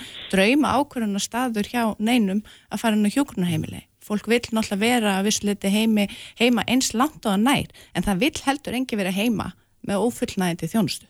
Og það er svolítið það sem er, hefur verið að gerast líka mm -hmm. í okkar samfélagi. En ertu að lýsa kerfi sem að þú, þú myndi segja væri bara, væri raun og verið mjög brotið Þú ert að draga myndakerfi sem er svona, hérna, Já, Já það, ekki, það er allavega mjög margir möguleikar til úrbúta. Já, þetta var mjög diplomatist. Við getum orðað þannig og Já. það er margt sem það er að gera en þú veist, þetta er samt einmitt víða og mér varst það til dæmis mjög áhugavert að þú komst inn að landakortsumræðina hérna en um daginn, já, hérna áðan segja, að svo mætir hérna formaður félags- öldrunleikna í Kastljós og lýsi yfir að í nýjum landsbytala sé ekki gert ráðferðis að þjónustu. Já, já, einmitt. Bara, bara, ég, ég bara, ég datnast því úr stólnum, ég þætti þetta ekki í hug. Já, hvernig hvern, stendur ás? Já, en hvernig hérna, já, ég veit ekki, er, er þetta kannski þjónustar sem á ekkert heima á spítali? Ég veit ekki, maður sé líka það við, Þorf, sko. Hvað séu þú alveg? Nei, ég held að það sé nú alveg öruglega ekki þannig, en hins vegar er þjónustafið tjölvögt eldra fólk, hún er að mörguleiti sértækari og öðruvísi og aðrar áherslur heldur en, heldur en eh, þjónustafið segja, yngra fólk með bráðveikindi og ég vil meina að það sé algjörlega ennþá sviðrú til þess að uh, endur skoða minnst að einhverju leiti áformin með allan þá áhersluðnar sem eiga að, að vera, uh, vera inn á, á hingbröð auðvitað gert reyn fyrir eldrafólki í hannun uh, nýja spítalan sem sverður ekki kannski og, og eldrunarlegnar hafa gangrind það að, að, að einhverju leiti með réttu að eins og það er ætlast til að eldrafólki með sínar sértæku þarfir passi bara inn í einn mótin. Og ég held að það sé kannski það sem við törfum svolítið að vera vakandi fyrir að þetta er öðruvísi hópur, hann, hann, hann hefur aðrar þarfir En við verðum líka að muna það að hann á nákvæmlega sama rétt og aðrir á fullkominni læknistjónustu og elbristjónustu sem að á að vera bóði og hann getur, og, og ég, ég vil meina að það sé hægt að, það sé hægt að, sko segja, fyrstir að skrúta með tilliti til hannunar uh, nýja spítalans þannig að það verður tekið meira tillit til þess. Aftur með endurhæfingarþjónustana eins og vera á landakoti, það má alveg deila um það hvort að slík þjónusta eigi að vera í tengslum við eða lausara tengslum við bráðarsjókrós heldur, heldur en er í dag og, og það er aftur, það er kannski allt, allt önnur umræða. Mm -hmm, mm -hmm. En, sko, ef maður horfir á þetta í heildólagur og svona það sem við verðum að sumara hérna upp eða að taka mm -hmm. saman þá, þá, þá finnst manni svona utanfrá síðan það minnst að þetta lýsir einhverju viðhorfi til eldra fólks sem mhm. er eiginlega bara svona hálf, eða eiginlega bara mjög kuldalegt í það heila tekið. Já, ég, er náttúrulega algjörlega ekki til það Kristján að því að, að því að ég meina ég hef hérna verið að alveg síðan ég sko fór fyrst að, að starfa við öldrunarlengar og þá hefur maður verið að berjast í rauninni við sko þessa sem að ég hef kallað öldrunarfordama mm -hmm. það, það er að segja þess þennan hugsunarhátt að við leifum okkur einhvern veginn að líta á eldra fólk sem einhvers konar afgástæð og við leifum okkur einhvern veginn að líta á það að fólk uh, hérna þegar það hefur lokið sko formlegri þáttöku sem á vinnumarkaði þá uh, sé bara sé bara engin ástæði til þess að taka það áfram sem fulla þáttakandur í samfélaginu. Mm -hmm. Þessu, þessum hugsunahætti þurfum við að breyta og, og, og fyrst og nefnir það, þá, þá hef ég mitt, hérna, mitt verið að, að leggja fram til og um þetta að við reynum að taka okkur á í þessum efnum sem samfélag því að félagsauðurinn sem er í eldra fólki og félagsauðurinn sem er í, í sko, þeim þekkingabrunni sem, sem að þetta fólk grifir hann skiptur okkur öll alveg gríðarlega miklu máli bæði félagslega og, og í rauninni líka bara sem samfélagi í heil. Mm. Hvað segir þú um þetta, Elvir, hérna, um þetta viðhorf? Ég er bara uh, mörguleiti sammáli ólefi þarna og ég hef mm. sjálf einmitt talað um það það séu ákveðinir öldruna fordómar í samfélaginu og það eru líka þar að lendi ákveðinir fordómar gagvart öldruna þjónustu og hún verður ofta eitthvað skonar afgangstærð og, og hérna uh, ég vona innilega að það verði eins og Óláfi segja það verði bætt úr því til dæmis við hönnun nýs spítala og verði freka teki tillitið þeirra þarfa sem þessi hópur hefur uh, og það, þetta bara endur speglast eins og ég segi á svo, svo víða í kerfinu, bara í þetta varandi fjármagnið, menn hafa séð þetta fyrir í sko mörg mörg ár hvernig aldurspíramindin er. Og menn, þetta er bara ákveðið, eh, það er ekki vandamál, það er auðvitað gleði efni að fólk sé að eldast og verður séu fleiri að bætast í þann hóp og við getum gert meira fyrir þann hóp. En það þarf náttúrulega að uh, ganga og skökum að það sé þá staði vel að málum og það, ég held að hérna, COVID hafi að mörguleiti uh, bara viðsverum heim varp, svolítið, varpa ljósa á þetta hérna, vandamál uh, þetta viðhorf sem að er í samfélaginu svolítið gagvart öldru fólki. Og ég, eins og maður sá er, hefur nú verið að koma upp varandi svíþjóð þar sem að hefur komið í ljósa þar var bara hjógrunarheimilum og dvalarheimilum meinað að senda íbúa eða að þeirra íbúi fengi að fara inn á spítala þeir uh, áttu að fá sér minnsta læknistjónstu og ég vel settur að líknandi með fyrir án aðkomi lakna sem er, er brota á reglum í Svíþjóð. Að hérna það er einhvern veginn þetta sínur oft þegar að neyðin skellur hvar menn eru að horfa og hugsa og, og hérna hverju verið út undan það er bara þannig. Og með landakort skísluna húsnaði þar stjórnvöld og allir að mm. vita í mörg mörg ár að þetta væri ekki fullnægend aðbúnar. Það er uh, mörg hjókurunaheimili vísvegarum land sem eru með tvíbíli og, og, og inn á, innan sinu stopnana og ímsar aðstæður sem búið að vera uh, óska eftir fjármægni til að bæta úr í mörg mörg ár. Mm. En þetta er bara einhvern veginn því mér verist oft verða svona aðgangs, afgangsstærð. Já, er þetta óvinnandi slagur, Ólaur?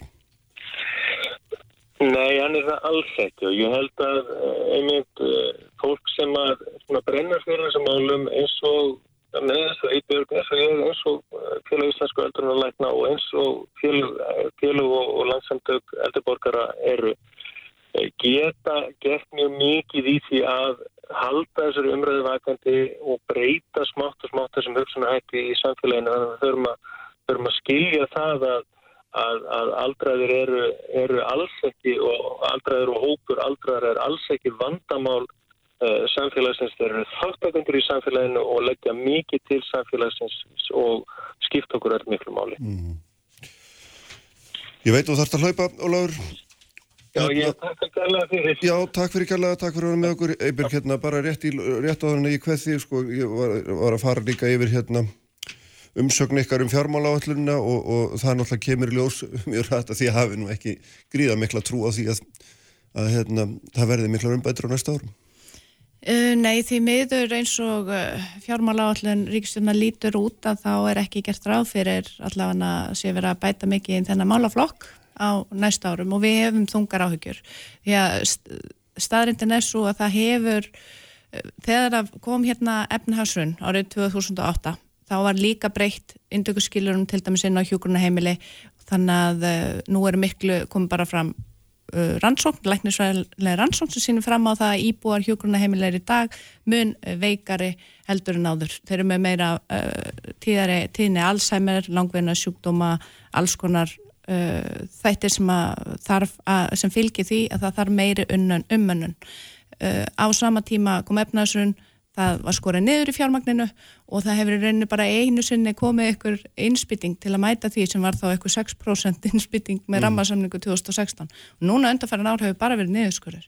Þannig að við hefum bara miklar ágjur af því að Þannig að hérna, þvert á allar þessar þróun sem hérna, allir þekkja og eru búin að þekkja með lengi þá hérna, er fjármagninu beint í óþráttur í fögur orð eins og við heyrðum hérna þá, þá er fjármagninu bara beint frá þessum flokki frekar en, en í hann Já, það er eiginlega þannig. Það sem að hefur gert er að það hafa verið opnið náttúrulega tvö ný hjógrunaheimili á undanförnum örgulega tíu ára með þessu.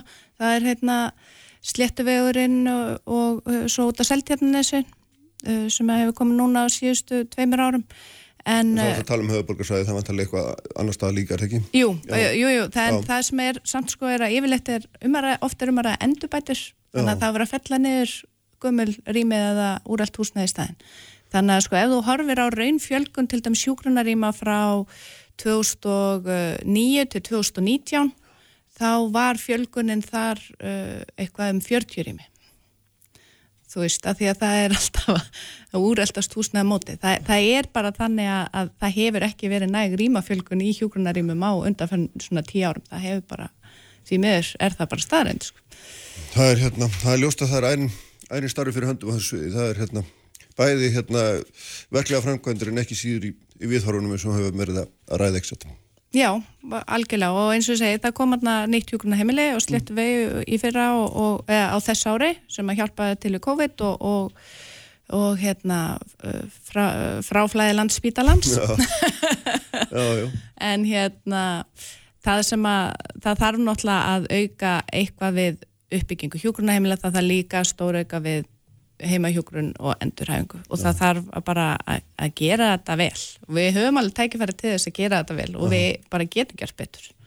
Ljómandi, látum það vera að loka orðin Takk fyrir að vera með okkur í Björg. Og hérna ég ætla að taka á móta þeim Stefánu Ólarssoni og Ástísi Kristjánsdóttur hér eftir öngnablík Sprengisandur á bylgjunni.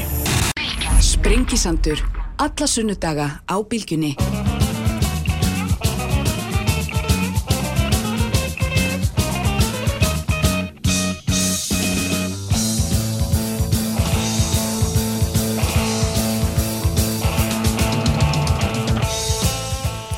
Sæli hlustendur aftur, uh, Ólaf Þór Gunnarsson og Eibjörg Haugstóttir farin frá mér, vorum hér að ræða við þarf okkar til þeirra aldraðara uh, samborgar okkar sem að þurfa á umhörnun að halda og hérna hvernig þau byrtast bæði umræðu og eins í, í fjármagni. En hérna uh, síðan á ég vona auði Annu Magnúsdóttur hér, Brankvæmstur að landvendar hér undir lok þáttarinn sestur í hami Stefán Ólafsson og Ástís Kristjánsdóttir, Stefán auðvitað professor og starfsmæður Eblingar, Ástís aðstofafrangandastjóri samtaka aðdurinn lífsins Komið sæl, velkomin bæðið tvö.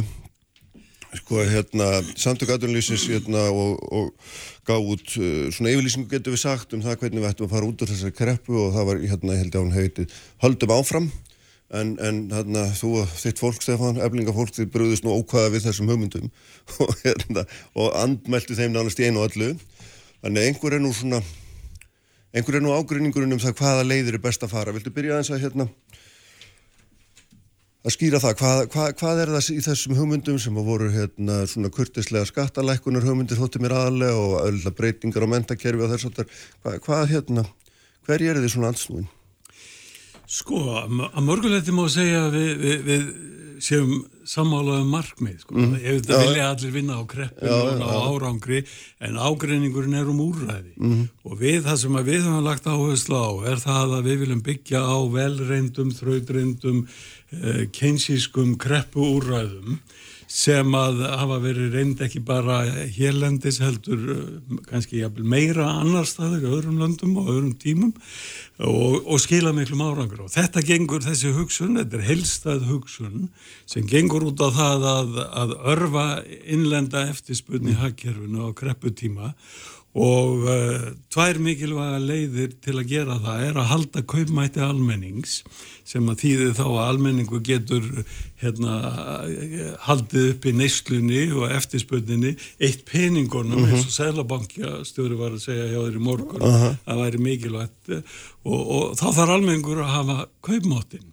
og, og þess að það segir við það þarf að láta kjara samningarna standa og, og hérna, verja kaupmáttin í gegnum kreppuna því að það hjálpar okkur að vinna á kreppunni. Mm -hmm. Hitt hinpakkin í úræðunum er sá að ríkisvaldi beiti öflugum örfunaraðgerðum fari ídöðundir meiri framkvæmdir, jábel þó að þurfi að, að hérna, það má líka læka skatta, mm -hmm. það, það getur virkað á sama hátt líka eh, en, en, og þó að ríki þurfi að, að stofna til skulda vegna þessa að þá eru við líka að hamra á því að það er ekki alvarlegt vandamáli þessari stöðu. Mhm. Skuldastaða ríkisins fyrir mhm. er mjög létt mm -hmm. og jábel þó að það sem að bætist við í kreppunni, bæði vegna kostnaða við úrræði og vegna tekjutaps ríkisins, að þá verður skuldastaða Íslands hún verður áfram með því lagsta mm -hmm. meðan vestrætna þjóða. Þetta er semst bara, launin eru nummer 1 og 3 í þeim skilningi, þetta er svona launadrefin hérna, vöxtur getur við sagt. Já, launadrefin vöxtur og, og hérna og, og það er reyndar útlitt fyrir það að við mögum fara í gegnum þessa kreppu núna án þess að það komi til verulegra kjaraskerðinga hjá almenningi. Mm -hmm. Það hefur alltaf verið í kreppum á Íslandi, stórar kjaraskerðingar sem að ég tel að hafi verið raung stefna alla tíð mm -hmm. og gert þær kreppur verri en ella. Mm -hmm. Og svo höfum við séð að þegar að kaupmátturinn fyrir að fara upp aftur í þessum gömlu kreppum, að þá fór fyrst að lagast. Það fór fyrst að lagast hér 2010 eftir að komu smá kaupækanir inn í, mhm. inn í hagkerfið. Hvernig horfið þið á þetta ástýrs? Hérna, þið eru nú svona að því mér sínst í þessum tilögum eitthvað frekar á hérna, aðhalsendanum þegar það kemur að einhverjum, viljið hérna, fara skattalækunarlegina umfram allt, leggja ásláðan fyrirtækin geti þá með stósti hérna, haldið upp í því sem þið hafa. Já, það er alveg rétt. Ég myndi segja sko ef maður horfir á þetta, nú erum við í þessari kreppu og það eru margvíslegar hugmyndur að koma fram um hvernig við um að vaksa út úr þessari kreppu. Já og ef maður horfið helst þetta á þetta þá er þetta í raun tveir hópar það er annars vegar hópurinn sem tala fyrir því að heiðu ofinbæra er að leiða áfram vöxtinn það sé heiðu ofinbæra sem er að skapa þau störf sem hafa glatast mm. og vel að merkja öll þessi störf hafa glatast hjá áhinnum almenna vinnumarkaði og það sé heiðu ofinbæra sem er að beita sér á fullum krafti með útgjöldum sínum uh, með tilherröndu auðvitað kostnaði fyrir skattgreðundur ekki bara nú heldur framtíðarinnar og líka mun þetta á endanum hafa áhrif á reksturum hverju fyrirtæki vegna þess að fyrirtæki munir líka auðvitað þurfa að greiða fyrir þetta í formi herri skatta. Svo er það hinnhópurinn sem við hjá samtökum aðlýsins myndi segja tilherum og það er hópurinn sem tala fyrir því að fyrirtækin í landinu mun leiða okkur út úr þessum vexti að það eru fyrirtækin í landinu sem munir þurfa að skapa þessi ný störf sem hafa glatast á ný og það eru fyrirtækin sem munir þurfa að drífa áfram hagustin. Hlutverkins ofnbæra er fyrst og fremst að tryggja að við séum ekki að henda góðum pening í slæma. Að þau eru vissulega að, að beita sér með efnarstæðikinu sínum í styrkjum uh, og koma með ímis úrræði uh, bæði fyrir fyrirtæki og launafólk í landinu. En hins vegar þarf að standa vörðum þessa takmörkuðu fjárminni og standa vörðum rekstur umhverju fyrirtækja. Vegna þess að endanum er það okkar mat að það eru fyrirtæki sem munu þurfa og verða að vaksa út úr þessari greppu mm -hmm. Og við erum í raun með verkefnin okkar höldum áfram að svolítið, við erum að koma til, þetta er innleg okkar inn í umræðina, þetta eru tillögur Þetta er, þetta er ekki töfralausnin, Nei. en við erum þó þarna að koma með tillögur sem við teljum að stjórnvöld ættu að horfa til og aðilar vinnumarkaðir eins um hva, hvaða breytingar við þurfum að ráðast í og til hvaða aðgerða við höfum að grýpa þannig að fyrirtæki mm. og þetta bara starfsfólk og við höfum bólmang til að vaksa út úr þessari kreppu og það er svo mikilvægst í þessu samengi að í þessari umræðallri að við tölum um okkur sem einn heil, þetta er ekki fyrirtækin annars vegar mm. og launufólk hins vegar, við mhm. erum eitt, við erum, og þetta er órúvanlega ringrási, svo mann segja, við erum þetta samfélag og það er auðvitað, við þurfum að standa verðum það. Þegar fyrirtækjum okkar vegna vel, það vegnar starfsfólki þeirra betur og þá vegnar okkur öllum betur. Mm -hmm. og það er svolítið útgangspunkturinn okkar með þessu verkefni. En inn í og þessum ég... fögur orðum er fælst samt alveg skýr andstaða við þessa launa drifnu hugmynd sem Stefán var að lýsa. Er það ekki rétt skilja? Jú, það er alveg rétt vegna þess að sko Uh, Stefan kemur hér með að þau sé að koma með keinísk kreppu úrraði ég sé ekki betur, ég var að lesa í gegnum skýslu eblingar hér í gær að ebling og útgangspunktur eblingar er ofta snær hinn sami, það er að hér sé bara aukinn miðstýring og sósalismi sem er jáðar skoðun hér á Íslandi mm -hmm. á okkar mati. Og hér er verið að tala um að, að við hefum að drífa hagustin áfram að hann verði launadrifin ég bara, ég skil ekki alveg ég skil ekki þetta orð, hvað, við, hvað eigum við þegar við erum að tala um launadrifin hagvist, þetta hljómar mjög vel en við erum samt að hafa í huga að þessi kreppa, við erum að horfa, það blasir við að verðmættasköpun er, er, er að draga saman um 350 miljardar þessu ári, mm. 300 miljardar til viðbótur á næsta ári. Fyrirtækin landinu, ekki öll, en þó eru fyrirtæki að lendi því þau ná ekki endur saman. Þau eru flesti ferðarþjónustunni en við erum líka að sjá merki þess efnis að fyrirtæki öðrum atvinnugreinum eiga erfitt, mm. ná ekki endum saman, þau eru að glýpa til hagraðinga aðgera, þau eru að segja upp starfsfólki sínu. Mikilvæg þekking og reynslega að fara úr fyrirtækinu og það, staðan er núna, það eru 25.000 manns án vinnu og það er verið að gera ráð fyrir því að þúsundir til viðbóta muni glata eða missa vinnu sína á komandi mánuðum og ég spyr bara hvernig haldi þið að þessum hópi, þessum 10.000 hugnist að að hagvöxtur eigi að vera drifin áfram að við, við erum að fara að sjá hér launa drifin hagvöxt. Mm -hmm. Við erum ekki að verja þá kaupmátt þessu hóps og hvað þá þeirra sem munu missa mhm. vinnun og koma til missurum. Sko, já, já. Sko, Keynes kreppúræði hafa ekkert að gera með miðstýrðan sósialism, ekki mm. neitt, en það var Keynes ekki sósialisti. Hann var í því að bjarga kapitalismanum. Þannig að sko, við erum, þetta er bara úræði sem ganga út á það að beita þeim tólum sem að eru mm -hmm. virkust til að geta tekið á kreppunni. E, kreppan er þannig að hún er að lenda á tilteknum geira aðdunulífsins sem er aðalega ferðarþjónustan og nátengdar greinar ja, það. Ja, ja. Sko ég menna cirka 80-85% aðdunulífin er bara alveg í þokkalugu lægi mm -hmm. og getur alveg haldið haldið sínum, eh, sínu, sínum kúrs þannig að það þarf að taka sérstaklega á vanda ferðarþjónustunar mm -hmm. en ekki leggja hann yfir allt samfélagi. En þetta er náttúrulega víða afleitur vandi, sko, ferðarþjónustur hún er alltaf gríðarlega viðfæðum og tegir ánga sín út um allt og hérna, en það er líka alveg, er ekki hérna sko gildur punktur að velta fyrir sig hvernig við getum verið með launadrifin hagvöst í kreppu þegar að sko menn er eiginlega mest að hugsa um það hvernig þið lifa á mánuðin. Já sko það er aðalega vandin í ferðarþjónustu tengdum greinunum mm. sjálfum. Mm -hmm. Í öðrum greinum er það ekki stóri vandin því að, því að hérna launa drivkrafturinn, mm. hann fælst í því að hann býr til eftirspurn, hann skapar verkefni fyrir byggingar. Ef þú lappaði nú niður lögaveginn, þá myndur þú sjá, sjá 50 auðbíl sem er ekki, er ekki ferðarþjónast heldur bara vennileg verslun. Já, mikið að því var nú ferðarverslanir, sko, lundabúðina en það er sama, þú veist, ég er að vísa til þess að þetta er aðeins sko meira. Já, já, en ég meina þetta sko launa kaupgeta almennings, hún skapar allum þessum 80% eða 85% fyrirtækjana mm. í landunum, hún skapar þeim verkefni sem gerir þeim kleift að halda störfum og hérna þannig að, að uh, þetta er bara mjög mikilvægt innlegg inn í þessa stöðu mm -hmm. og, og við sáum það líka bara þegar það var slakað á sóttvarnar aðgerðum og þegar Íslendinga fóru í hlutverk ferðarmanna síðasta sumar að þá kom bara heilmikið sveibla um allt land mm. og, og ferðarþjónust að maknaða eins við til tulla fljótlega þannig að, að, að ég held að, að hérna, þetta við munum sjá það að þessari kreppu að bæði hún, verður hún ekki eins þung, ekki nærri eins langvinn og kreppan eftir fjármálarhunnið og uppsveiflan mun verða miklu hraðari, miklu hraðari. Þetta, var þetta fulllegandi skýring að þú spurðið að þú sæst ekki skilja að launadrifin hafast? Er þetta... Nei, ja, nei, ég get náttúrulega sagt að... Þú skilja það, þú bara vilt ekki skilja það. Nei, ég bara, ég, ég ítreka aftur, við verðum auðvitað líka að horfa til þess hvernig staðan er. Stefán talar hér um að 85% aðunlífinu er í lægi. Við erum komið með aðunleysu upp í 12%. Við hefum ekki séð þetta áður. Við erum farið að sjá aðtunleysu næsta ári í 10%.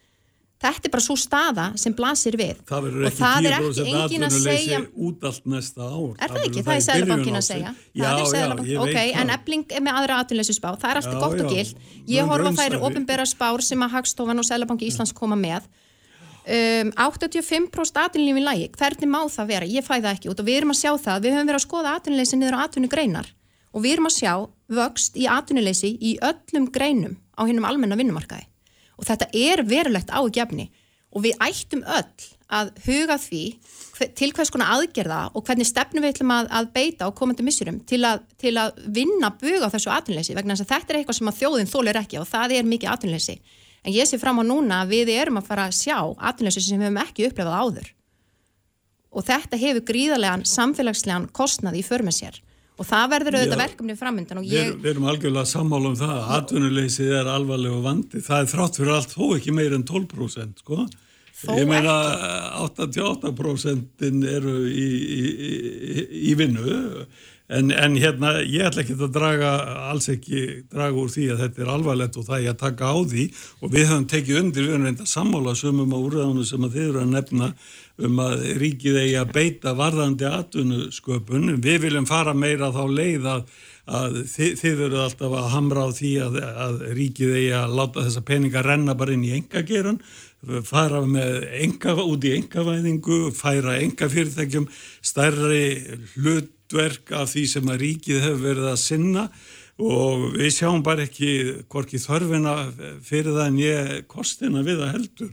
Við búum til dæmis við, við hérna mikið miki, miki mannabla skort í heilbreyðisjónustunum, hjúgrunafólki, sjúkrarliðum, eh, umönunarstorfum, að vanda leikskólakennara, akkur er ekki settir meiri fjármunir í að búa til fleiri störð þarna núna.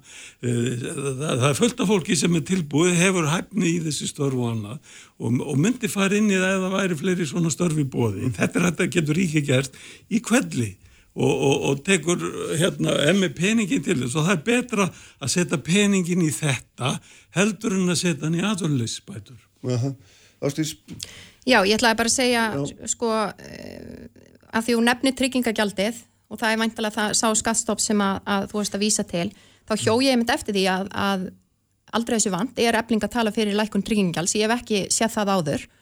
Um, tímabundið tímabundið er reynda fagnið að við séum að leggja til varanlegs lækkun tryggingagjáls, las ég í skýslunni en vandin er sá að þið eru að miskila tilögur okkar. Við erum nefnilega ekki að leggja til lækkun tryggingagjáls við teljum einfallega óábyrgt að koma með þá kröfu á ríkisjóð að lækka tryggingagjald þegar við vitum að útgjöld hans til þessa málaflokks er að fara að vera 100 miljórar hverju ári tryggingagjaldið er, sá, er það gjald og sá skattstopp sem stendur undir þessu atvinnuleysi og, og atvinnuleysi spótum.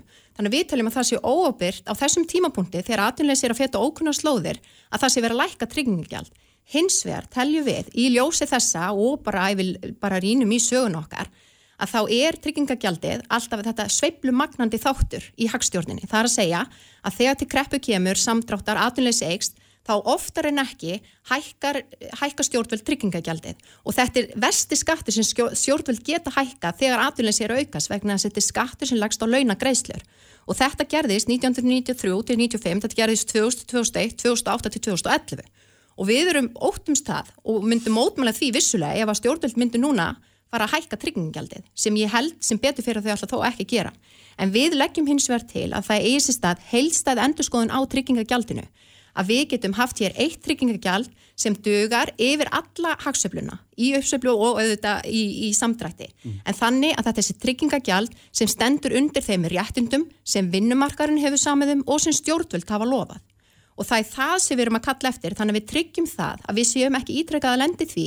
að það sé verið að hækka tryggingjald þegar e, til samdráttar kemur og atvinnulegs er að aukast. Mm -hmm. þannig að það er einhver miskilingur hjá ykkur að við séum að tala fyrir Við getum alveg tekið undir það að það sé dreyið úr þessu sveiblu áhrifum að tryggingagjaldinu.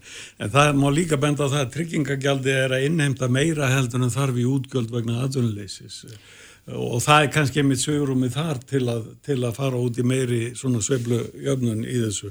En, en hérna en að öðru leiti er skattlagning á fyrirtæki til dæmis er tekjuskattur á fyrirtæki hann er ekki mjög þungbær á Íslandi með það sem er í nágrannarlandunum og þess vegna er í sjálfu sér og ég býst við að stjórnvöld hafi litið að þannig eða fólkið í fjármálaráðinituna að það, það réttlæti það að tryggingagjaldi sé að taka daldi meira heldur um beinleinis þarfi aðunuleysis uh, bætur og þau úrraði. Þannig að við höfum ekki séð þörf á því að lækka tryggingagjaldi stórlega til lengri tíma en okkur finnst það alveg komað til greina uh -huh. sem kreppu úrraði til að leta undir uh, launakostnabyrðinni uh, hjá fyrirtækjum. Þannig... En þá þarf við þetta að huga því hvernig við ætlum að fjármagna aðunuleysis bætur vegna þess að það blasir við að þetta er sá skattstóp sem á að standa undir Já, eins og við eh, hann sagt, gjald, sko, þá er eðlilegt að gera það í kreppunni að ríkið fjármagnir hluta af þessum kreppúraðum með því að skuldsetja sig og vegna þess að skuldastadan er þó þetta létt og hún verður það líka eftir að við erum komin yfir 50% af þjóðafránlöslu, þá erum við samt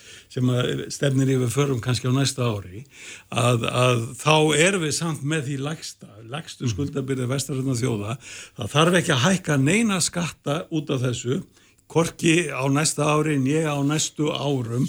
Við látum hagvöxt framtíðarinnar borga þessar skuldir niður eða öllu heldur letta byrðarnar af þeim. Þannig að, að, að það er bara engið þörf á því eins og Ástís var að segja hér áðan að þetta lendi á fyrirtækjunum og lendi á skattborgarunum að borga fyrir þetta allt þessi greppu úræði nei, nei, þetta mun hagvakstur framtíðarinnar mun þurka þetta upp í róliheitum. Mér finnst þetta sem mjög ódýr skýring að segja að þetta verður ekkit vandamál vegna þess að skuldir ríkisins verða áfram uh, lágar í alþjóðlegum samanbörði við erum að sjá það að skulda hlutfallið ég meina hallaregstur á komandi árum er, að fara að vera þúsund miljardar við erum að fara að sjá að skulda hlutfallið er að fara upp í 60% landsfærmislu rannsóknir hafa sínt fram á það þegar við erum komin í þetta hátt skulda hlutfall þá fer það að hafa neikvæð áhrif á hagvöxt vegna þess að við erum bæði með ruðningsáhrifin að því að ríki er að svo meira fjármægt til sín og svo líka er hafa, erum við að lendi því að vaksta kostnæri fyrir að vera íþingjandi fyrir rekstur ríkisjóðs og það er ekki hægt að bera saman skuldalutvat í Íslandi við önnur stærri alþjóðlega ríki sem eru auðvitað með allt annan vakstakostna heldur en við og við sjáum það. Markaðirnir, skuldabriðama fjárfestar hafa nú þegar refsaðið, svo maður segja, ríkisjóði fyrir komandi hallarekstur. Það eru þegar, maður sér það að, að, að langtíma krafan hefur verið að hækka og það er meðal annars vegna þess að, að það eru áhyggjur af komandi hallarekstur ríkisjós og hvernig við ætlum að fjármagna það og það að við ætlum að vaksa út úr þetta hljóma rosalega vel. En við eigum samt sem áður ekki að treysta það, við þurfum líka að fara skinsanlega með fjármunni mm -hmm. ríkisjós og tryggja það Viltu þá stíga á bremsunda núna í ríkisútgöldum að þessar þess tölur svo nefndir finnst þér þetta ómikið, erum við, erum við að gera alltaf mikið? Þið eru að leggja það til að það sé farið að stíga á bremsundar og skera nýður og engavæða og selja orkufyrirtæki og allt saman Stefan, engavæðing er ekki saman á engarekstur, við erum að tala fyrir engarekstri í heilbriðstjónustunni sem dæmi og það er góð reynsla því ekki ruggla saman engavæðing og engarekstur Jú, við notum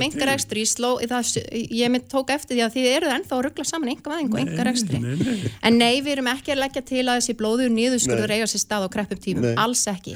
En hins vegar, þegar maður heyri fjármálar á þeirra stíga fram, sem að ég myndi telja að hafi bestu yfirsýn yfir rekstur ríkisins og segir það er, það er blóður sóun út um, all, um allan ríkisrekstur, mm. þá spyr ég bara, eigum við ekki að fara í þá í þá vegferð að reyna að finna út hvar þessi sóun er eiga sér stað, uh, hérna, komið við veg fyrir frekar í sóun, ef það er hægt að hagra einhver, einhver starf gerum það, ef það er að auka skilvirkni, e, forgansraða að byrja þetta fjármunum, þá ættum við auðvitað að gera það. Og eitt í þessu sem stjórnvöld er að gera sem er mjög vel gert og ég get ekki betur síðan að ebling taki undir það, er til dæmis aukin skilvirkni í rekstinnis ofinbera með fjárfestingu í, í, í hérna, stafrænum heimi, það er að segja, þau eru svona að leggja auki fjármagn í stafrænt Ísland, þetta er að fara að skilja okkur e, sparnaði sem við getum þá nýtt til annara þarfa verkefna. Já. Þannig að við erum ekki og það má ekki miskili eins og við sem að tala fyrir einhverju blóðum niðurskurði en við teljum sannanlega á meðan fjármálar á þeirra sjálfur viðkennir mm, það mm. að við getum gert betur.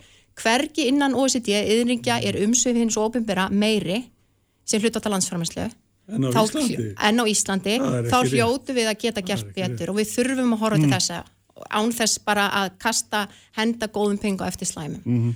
Sko, þú nefnir hérna þegar að skulda hlutfallið að komið upp í 60%, ég held nú reyndar að mun ekki fara allarleið þangað en segjum sem svo að það færið þangað, mm. að þá þú að segja það og þeir eru að gera mjög mikið úr þessu, íkið þetta stólega hvað þetta sé alvarlegt, að, að þetta muni draga úr hagvexti og öðru í framtíðinni, sko, í, í, í fjármála hagfræðinni er kenningin svo að þegar þú ferði yfir 90% skulda hlutfall, það er frægasta rannsóknin uh, var að reyna að sína að, að það væri, tókst reyndar ekkit voðalega vel að það hefðin verulega áhrif á hagvöxt. Þú ferði yfir 90% skuldaluðval þannig við erum bara hvergin álægt neinu þessu. Þannig, Þú hefur engar áhyggjur af skuldunni Ég hef ekki áhyggjur af því alls ekki. Nei. ég meina, ég, ég er ekki talsmaður skuldasofnunar en ég bara, sko, samengið er þetta og Já. þetta eru úrræði. Svona borguðu menn fyrir kostnaða setni heimstyrjöldinni við letu hagvöxt eftirstrís árana uh, hann fyndi út þessa skuldabyrða sem voru miklu alvarlega en eitthvað svona mörg ríki mjög mikið skuldsett eftir setni heimstureldan og það tók marga ára tíu að koma til því. Já, já, það var alveg gríðaleg skuldsetning. Já. En Stefan, ég verða að nefna eitt en, í þessu samhengi að það eru ekki nema hvað, fimm ár síðan að árulegu vakstakostna ríkisjós var 80 miljardar. Þetta já, eru ekkert smáar fjárhæðir og eru við reyðbúin að, að þetta er spurning líka. Er samt í því, ég meina, þjóðaframlistan 3400 og 4.000 miljardar Já, en hver, hver er útgjöld ríkisjós? Er það ekki 1.000 miljardar eitthvað leiðis? Þannig að þetta er næstu, þetta er 8%. Uh, nei, já af ríkisútgjöldum ekki af þjóðarframlöstunni þannig að ég meina auðvitað er gott að hafa þessa peningi í eitthvað annað já. og maður fagnar því en ég meina það er líka dýrt að láta kreppuna hérna spila sig alveg lausa mm. og raunar miklu dýrara og það var leksjan sem að Keynes dróða af kreppunu miklu mm. á fjóruða áratögnum og kom með þessi úrræði sem að virkuðu þá og hafa virkað aftur og aftur -huh. um allan heim síðan -huh. og, og, og þetta er bara það sem við erum að segja þetta er bara góð klassísk hagfræði en þetta er í anstöðu við frjálsíkjuhagfræðina sem að samtök aðvönulífsins eru allt og höll undir mhm. -huh. og kannski fjármálar á þeirra líka að, að, hérna, að, að því að það felur í sér þessi tímabundnu auk, þetta tímabundna eikna ríkislutverk í mm. kreppinu sjálfri. Það hefur ekkert með sósélisma að gera, það er bara verið að nota þau úrræði sem best virka. Ástíðs, þú ætlum að gorðin, við erum að hætta. Já, frábært. Nei, við, ég, það kemur mér auðvitað ekki á óvart Nei. að ebling er ekki sammálokkar í þeirri stefnu sem við viljum fara, en við hins vegar... Sammálaðsum já, eins og hvað, nefnum það.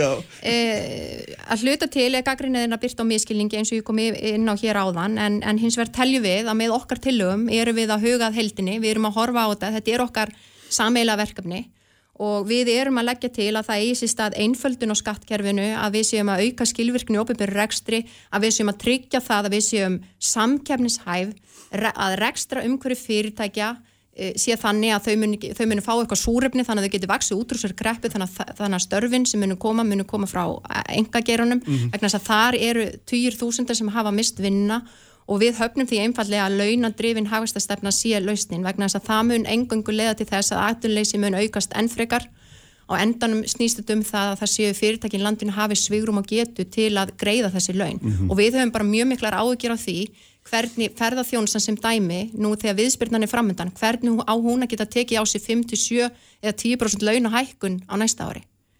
Þegar þú ert búin að vera að upplifa 80-90% tekið fall þetta er mjög alvarlegt ástand en aftur vil ég eins og er endit á góðu nótum. Við erum með sterka eh, grunnstóðir hér, við erum með öflugt velferðarkjærfi og við erum öll sammála því að við viljum standa vörðum það. En okkar tilvægst nú að því hvernig við getum vaksið út úr þessari greppu mm -hmm. Ljómandi gott, takk bæðið tvið fyrir að koma Takk. Hérna, frólægt, uh, auður önnu, Magnús og Dóttir, hérna, frangastjóður landverðnar verður hérna hjá mér eftir augnablík. Uppspretta frétta á Sprengisandi, á Bilgunni. Sprengisandur, alla sunnudaga á Bilgunni. Sæli hlustnaflur, þau eru farin frá mér Stefán Ólafsson og Ástís Kristjánsdóttir eftir fjöru ára umræður um, um hérna, mismunandi skilning á því hvernig við komumst best út úr þeirri stöðu sem við erum í og hérna svona á beinubröðina aftur í efnags, efnagsmálunum atvinnulífinu. En ég ætla að skipta hér aðeins um gýr því að ég ætla að tala hér um loslasmálin auður, Anna, auður Önnu Magnúsdóttir, svo ég fari nú rétt með Frankværtstjóri Landverðar, komin til minn góðu gestur sem oft hefur verið hér áður, sæla blessu og velkomin. Takk, takk. Sko hérna uh, COVID-ið er aldrei lítur svolítið sömu lögmálum og, og hérna loslasmáluna því leytunum til að, að, að hérna, til þess að ná hvort tækja ná hérna, útblæstir hratt niður, alveg sem við vil ná faldurinn hratt niður, þá er bara mjög einföld leið að hún er bara hérna, snar dragur úr öllum umsöðum og maður, þetta sást í hérna, strax í apríla þarna að þá snar minguði hérna, allur útblástur í heiminu svo skilt og hafa meirið að minna komið allir aftur. En hvað er svona þetta er hérna alltaf fyndið að hugsa um þetta þarna, þessu samingi finnst mér Já, okkur finnst þetta líka mjög fyndið við sem erum búin að vera að spá í þessi í svona 20-30 ár Já. að við erum alltaf búin að vera að tala um þetta það verður að stíga bremsuna, það verður að stíga bremsuna. Mm -hmm. efnagslífið segir alltaf það er ekki hægt, það er ekki hægt, það er ekki hægt það verður hérna algjör katastrófi ef við gerum það. E, svo kemur þetta upp og, og þá sjáum við bara þetta er vel hægt. Uh -huh. við getum gert ótrúlustu hluti e, sem mannkinn Já, þetta er, þetta er mjög fyndið. Já, þetta er svolítið skemmtilegt. Hérna, Þú varst að tala á, á Þingi Pírata uh, í gær fjárfundi þeirra um, um hérna, umhverjus og loslasmál og þar, þar var, ég held að yfirskutin var svo, erum við búin að missa tækifæri og er, hvað myndur þú segja um það, erum við búin að missa einhverju, erum við hérna, erum við komið fram á einhverju brún? Já, við erum komið fram á brún. Eh, við höfðum tækifæri þarna í kringum 2000 mm -hmm. eh, til þess að fara í aðgerri sem væri miklu mikri eh, gætu gefið okkur langan tíma til að aðlast en í staðin fyrir að fara í þær aðgerðir eh, þá ákvaðum við bara að setja allt í botni í hagkerfinu og það var bara sprenging. Mm. eh, og við ákvaðum að gefa algjörlega í í losun í staðin fyrir að draga úr eh, sem er náttúrulega alveg hræðilega ákvörðun. Eh, en hins vegar geta hlutir verið slæmir og þeir geta verið verri svo geta þeir verið ennþá verri. Og það, núna stendur valið á milli þess hvort við ætlum að hafa Eh, hlutin að slæma verri en þá verri eða, eða bara útrým okkur sjálf þannig að, að við höfum alltaf val uh -huh. en, en við erum búin að velja að hlutin er eiga að vera slæmir. Það er það sem við erum búin að velja. Við erum búin að velja það. Já, því að við bröðumst ekki við þarna í kringum 2000 Já, þá náttúrulega hérna, 2000 er Kyoto bókurinn sem við skrifum myndir og þá fórum við nokkið eins og eftir henni alveg heldur báðum um, var ekki 10% aukningu? Já, við höfum það gegna að lítil ríki sem að nota mikið að endur nýjanleira orku uh, gætu losað meira í staðin fyrir að draga saman eins og önnur ríki þurft að gera. Uh, og við fengum sem sagt kvóta upp á aukin 10% á fyrsta tímabili í Kyoto bókunarinnar. En á öðru tímabilinu áttu við að draga saman um 20% og við gerðum ekkert til þess að reyna að verða við því. Uh, og þar voru margir möguleikar sem að bjóðast okkur ekki Parísasáttmálunum eins og sem að varða landnótkunn eins og skórekt og, og, og hérna, endurinn útlendis en það, það er ekki hægt að nota það kakvart Parísasáttmál mm -hmm. uh, og annað sem við töpuðum náttúrulega á þessu að taka ekkert uh, á þessu þessum fyrsti 20 ár þegar nágrann þjóður okkar byrjuð að sjá og hugsa og reyna að ímynda sér hvernig, hvernig getum við orðið við þessu. Uh, nágrann þjóður okkar eru búin að vera að draga saman. Nágrann þjóður okkar eru búin að vera að þjálfa sitt stjórnkerfi, sitt samfélag í því að hugsa í loslaslausnum okkar samfélag er bara rétt að byrja að læra núna Þannig að það sem að nákvæmlega þjóður okkar ætla að gera á 30 árum þurfum við að gera á 10 uh -huh. og það, það er mjög, mjög slæmt e, og við þurfum e, að nota alla okkar svona hæfni til að aðlæðast mjög fljótt og við Íslendingar erum mjög góði í því. Já, auðvitað. En það er, hérna, þannig að og, og þessir miljardar sem að, hérna, maður nefni þá, sem að við þurfum að greiða svo mikið staði við, hérna, kjótó, eða staðið okkur í því kjótóbókun eða staðið við hana réttilega þá, hérna, það er auðvitað afliðinga þessu, þessu 20 ára ferli sem verður að lýsa og jafnvel þó við fengjum umfram kvóta, mættum auka þarna fyrir hlutan, þá náðum við samt ekki að vera innan, innan þessara marka. Við náðum að vera innan þessara 10% marka á fyrsta tímanbílunum. Já, já, það var 10% aukningin. Já, já, já, já, og svo, svo kerðum við bara áfram á, á því e, og, og reyndum ekkert að, að það, það voru engar aðgerið, það var ekkert reynd að gera til þess að standa skíut á bókununa. Sko, hvað hva finnst þér um til dæmis þessar áætlanir sem eru þá núna í gangi? Er þær þá langt í frá að vera nógu róttakar? Nú var ríkstjóðin að endur skoða loftlas áætlun sína bara í sömar síðast og þarna farverið þinn hjá landverð, hann var bara mjög brattur, saði að varum að ganga lengra heldur við þyrtum og hérna var bara mjög kátur, hann var, hann var hér hjá mér að tala um þetta og hérna og fannst bara hann var að koma langt með þetta. En hvað finnst þér? Er er þetta fullnægandi? Nei, þetta hefði verið mjög fínt, eh, svona 98, 2005 mm. þá hefði þetta verið bara frábæra áætlun. En núna erum við að reyna að tróða 30 ára verkefni inn á 10 ára verkefni og þá verða aðgerðan að vera miklu harðari. Og þetta gengur mjög mikið út á það að fólk, fyrirtæki, stofnanir hefur bara að finna hjá sjálfu sér vilja til þess að draga úr losun. Og það er ekki nóg, við höfum ekki tíma til þess lengur. Það verða að vera miklu það verður að vera miklu ákvæmnar rammi og það verður að vera miklu fleiri aðgerðir sem að beina fólki stíft í ákvæmnar áttir fyrirtækjum, almenningi og, og, og hérna ofnbæra. Mm. Og erstu þá að tala um að myndi það vera þín skoðun að, að, að við þurftum að vera með miklu meira af, af hérna, einhvers konar bóðum, bönnum, sektum einhverju þess áttur eða hvað? Já, landvind hefur talað mikið til dæmis fyrir kólmiskjaldi eh, sem að margar þjóðir hafa reynd og hefur reynst vel Eh, Háttkólumniskjald er aðferðin sem að Alþjóð Gjaldur í sjóðurinn og OECD segja sér nöðsynleg til þess að við náum e, eh, Parísasáttmálunum sem, sem, sem mankin e, eh, og þetta er ekki rótækir umhverfisvend þetta er ekki rótækt umhverfisvenda fólki á Alþjóð Gjaldur í sjóðunum og, og OECD e, Alþjóð Gjaldur í sjóðurinn þau viðmið sem að þau setja sína að við þyrtum að hækka okkar kólumniskjald 23 falt og núna í síðustu fjárlögum að þá er lagt til að kólumniskjald hækki ekki einu sinni, að það haldi ekki einu sinni í við verðlagstrófun. Að hækkurinn á kólumniskjaldinu á ekki einu sinni haldi í við verðlagstrófun. Mm.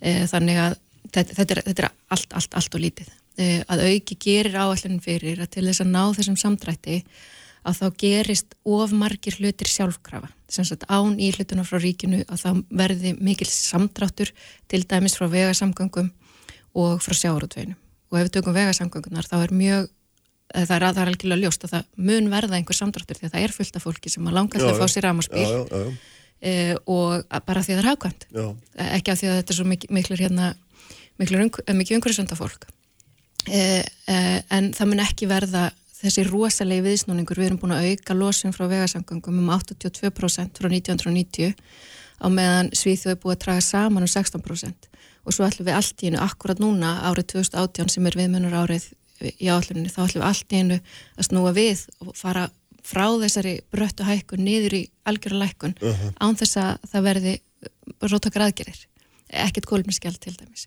Og sama gildur um sjáurátvegin eh, það er gert ráð fyrir að þessi þróun sem að varði sjáuratveginum eh, svona frá 1990 til svona 2010-15 þar sem að aflinn dróst mikið saman en verðmæti jógst þannig að sko, verðmætti sjáurútversins jógst mikið en aflinn tróst mikið saman. Æ, æ. Þessi þróun, það verður að hægjast á þessi þróun undanfarið og e, oljunótkun og aflinn hefur í raun ekkert verið að dragast mikið saman frá 2015 e, en í e, aðgerðarállinni er gert ráðfyrir, það er bara gert ráðfyrir þessi þróun frá 2005 verði bara áfram á, á sama hátt og við erum ekki, við erum ekki meðaninn gögg sem að sína að þetta sé raunhæft. Mm. Þannig að af þessum miljón tónum sem við ætlum að draga saman, sem eru þessar skuldbindingar okkar, e, þá eru 400.000, um 40% sem eiga bara að gerast sjálfgráða á nýlutunar uh -huh. og, og þetta er alvarlegt.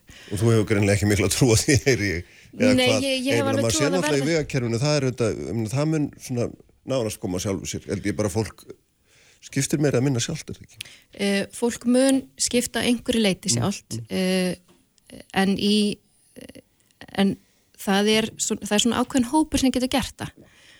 Tesla kostar, ódurstu Tesla kostar alveg 6,5 miljón, ég hef ekki Tesla Nei, nei, uh, ekki ég. Nei, og, og uh, svo er það náttúrulega til ódýrar kostin þetta er yfirleitt nýjir bílar. Þetta þarf að vera hópur sem að hefur það efni á því að kaupa sér nýjan bíl uh, fyrir þessar hvað ætlaði kosti ódurstu 4-5 miljón, ég veit ekki alveg.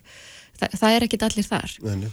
og meðan til dæmis aðgerð eins og banna innflutning á bensín og dísilbílum sem er í aðgerðarallunni hún á ekki taka gildi fyrir 2030 mm þannig að það er engir sko að þú ætlar að fá einhverja breytingar í gegn þá verður að hafa kvata, verður með þá, þú verður að hafa lata þú verður að hafa hátt kólumskjald þú verður að hafa banna á innflutningi þú verður að hafa eitthvað svona sem að ítir báðu meginn frá. Uh -huh. Og, og það er ekki nóg Þannig að því að leggja það bústaflega til að það verði bara sett bann við innflutningi dísil og bensinbíla frá hvað, 2023 Já.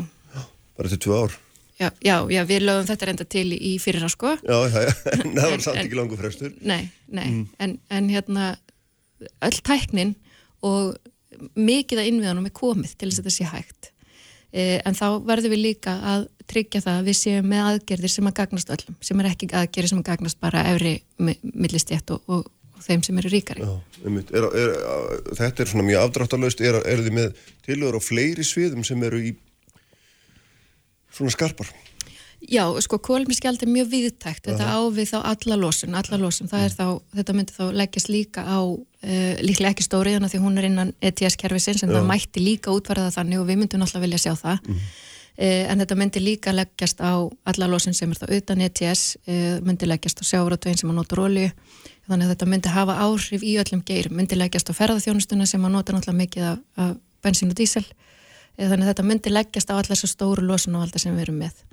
E, svo höfum við líka verið að tala um að e, byggingageirinn hefur algjörlega verið utan þetta. Losun frá sementi er, er mjög mikil þó hún skrifist kannski að litlu leiti á okkur hérna en losun frá byggingarinnanum er mjög mikil. Þau eru með stór tæki sem að nota mikið ólju e, og svo höfum við líka verið að tala um landbúnaðin í þessari aðgerra áallan þá á landbúnaðurinn ekki að draga neitt saman uh, sem er mjög skrítið af því að íslensku landbúnaður er að sömuleiti reygin á Íslenska ríkinu þannig að það ætti að vera hæg heimatökin að, fara í hraða breytingar uh, í landbúnaði.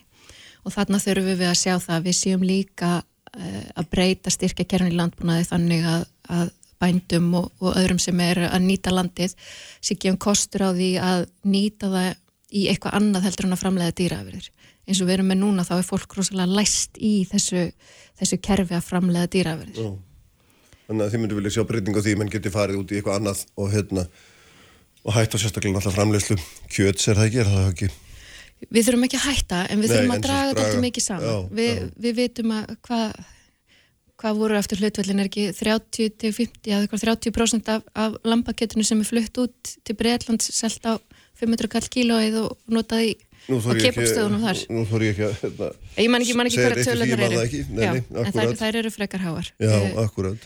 og annað sem við höfum líka talað um er, er að við nýtum þessa svona velferðarvísa að við hættum að horfa einblínu svona mikið á hagvöxtin og ríkistjórnin hefur talað mikið um það uh, hún var með fína ráðstefnu um þetta en svo sér maður ekki alveg hérna innleðinguna heldur að, að það sé þannig að, að hérna, uh, COVID hafi bara trublað þetta eða heldur þetta sé bara ekki þarna?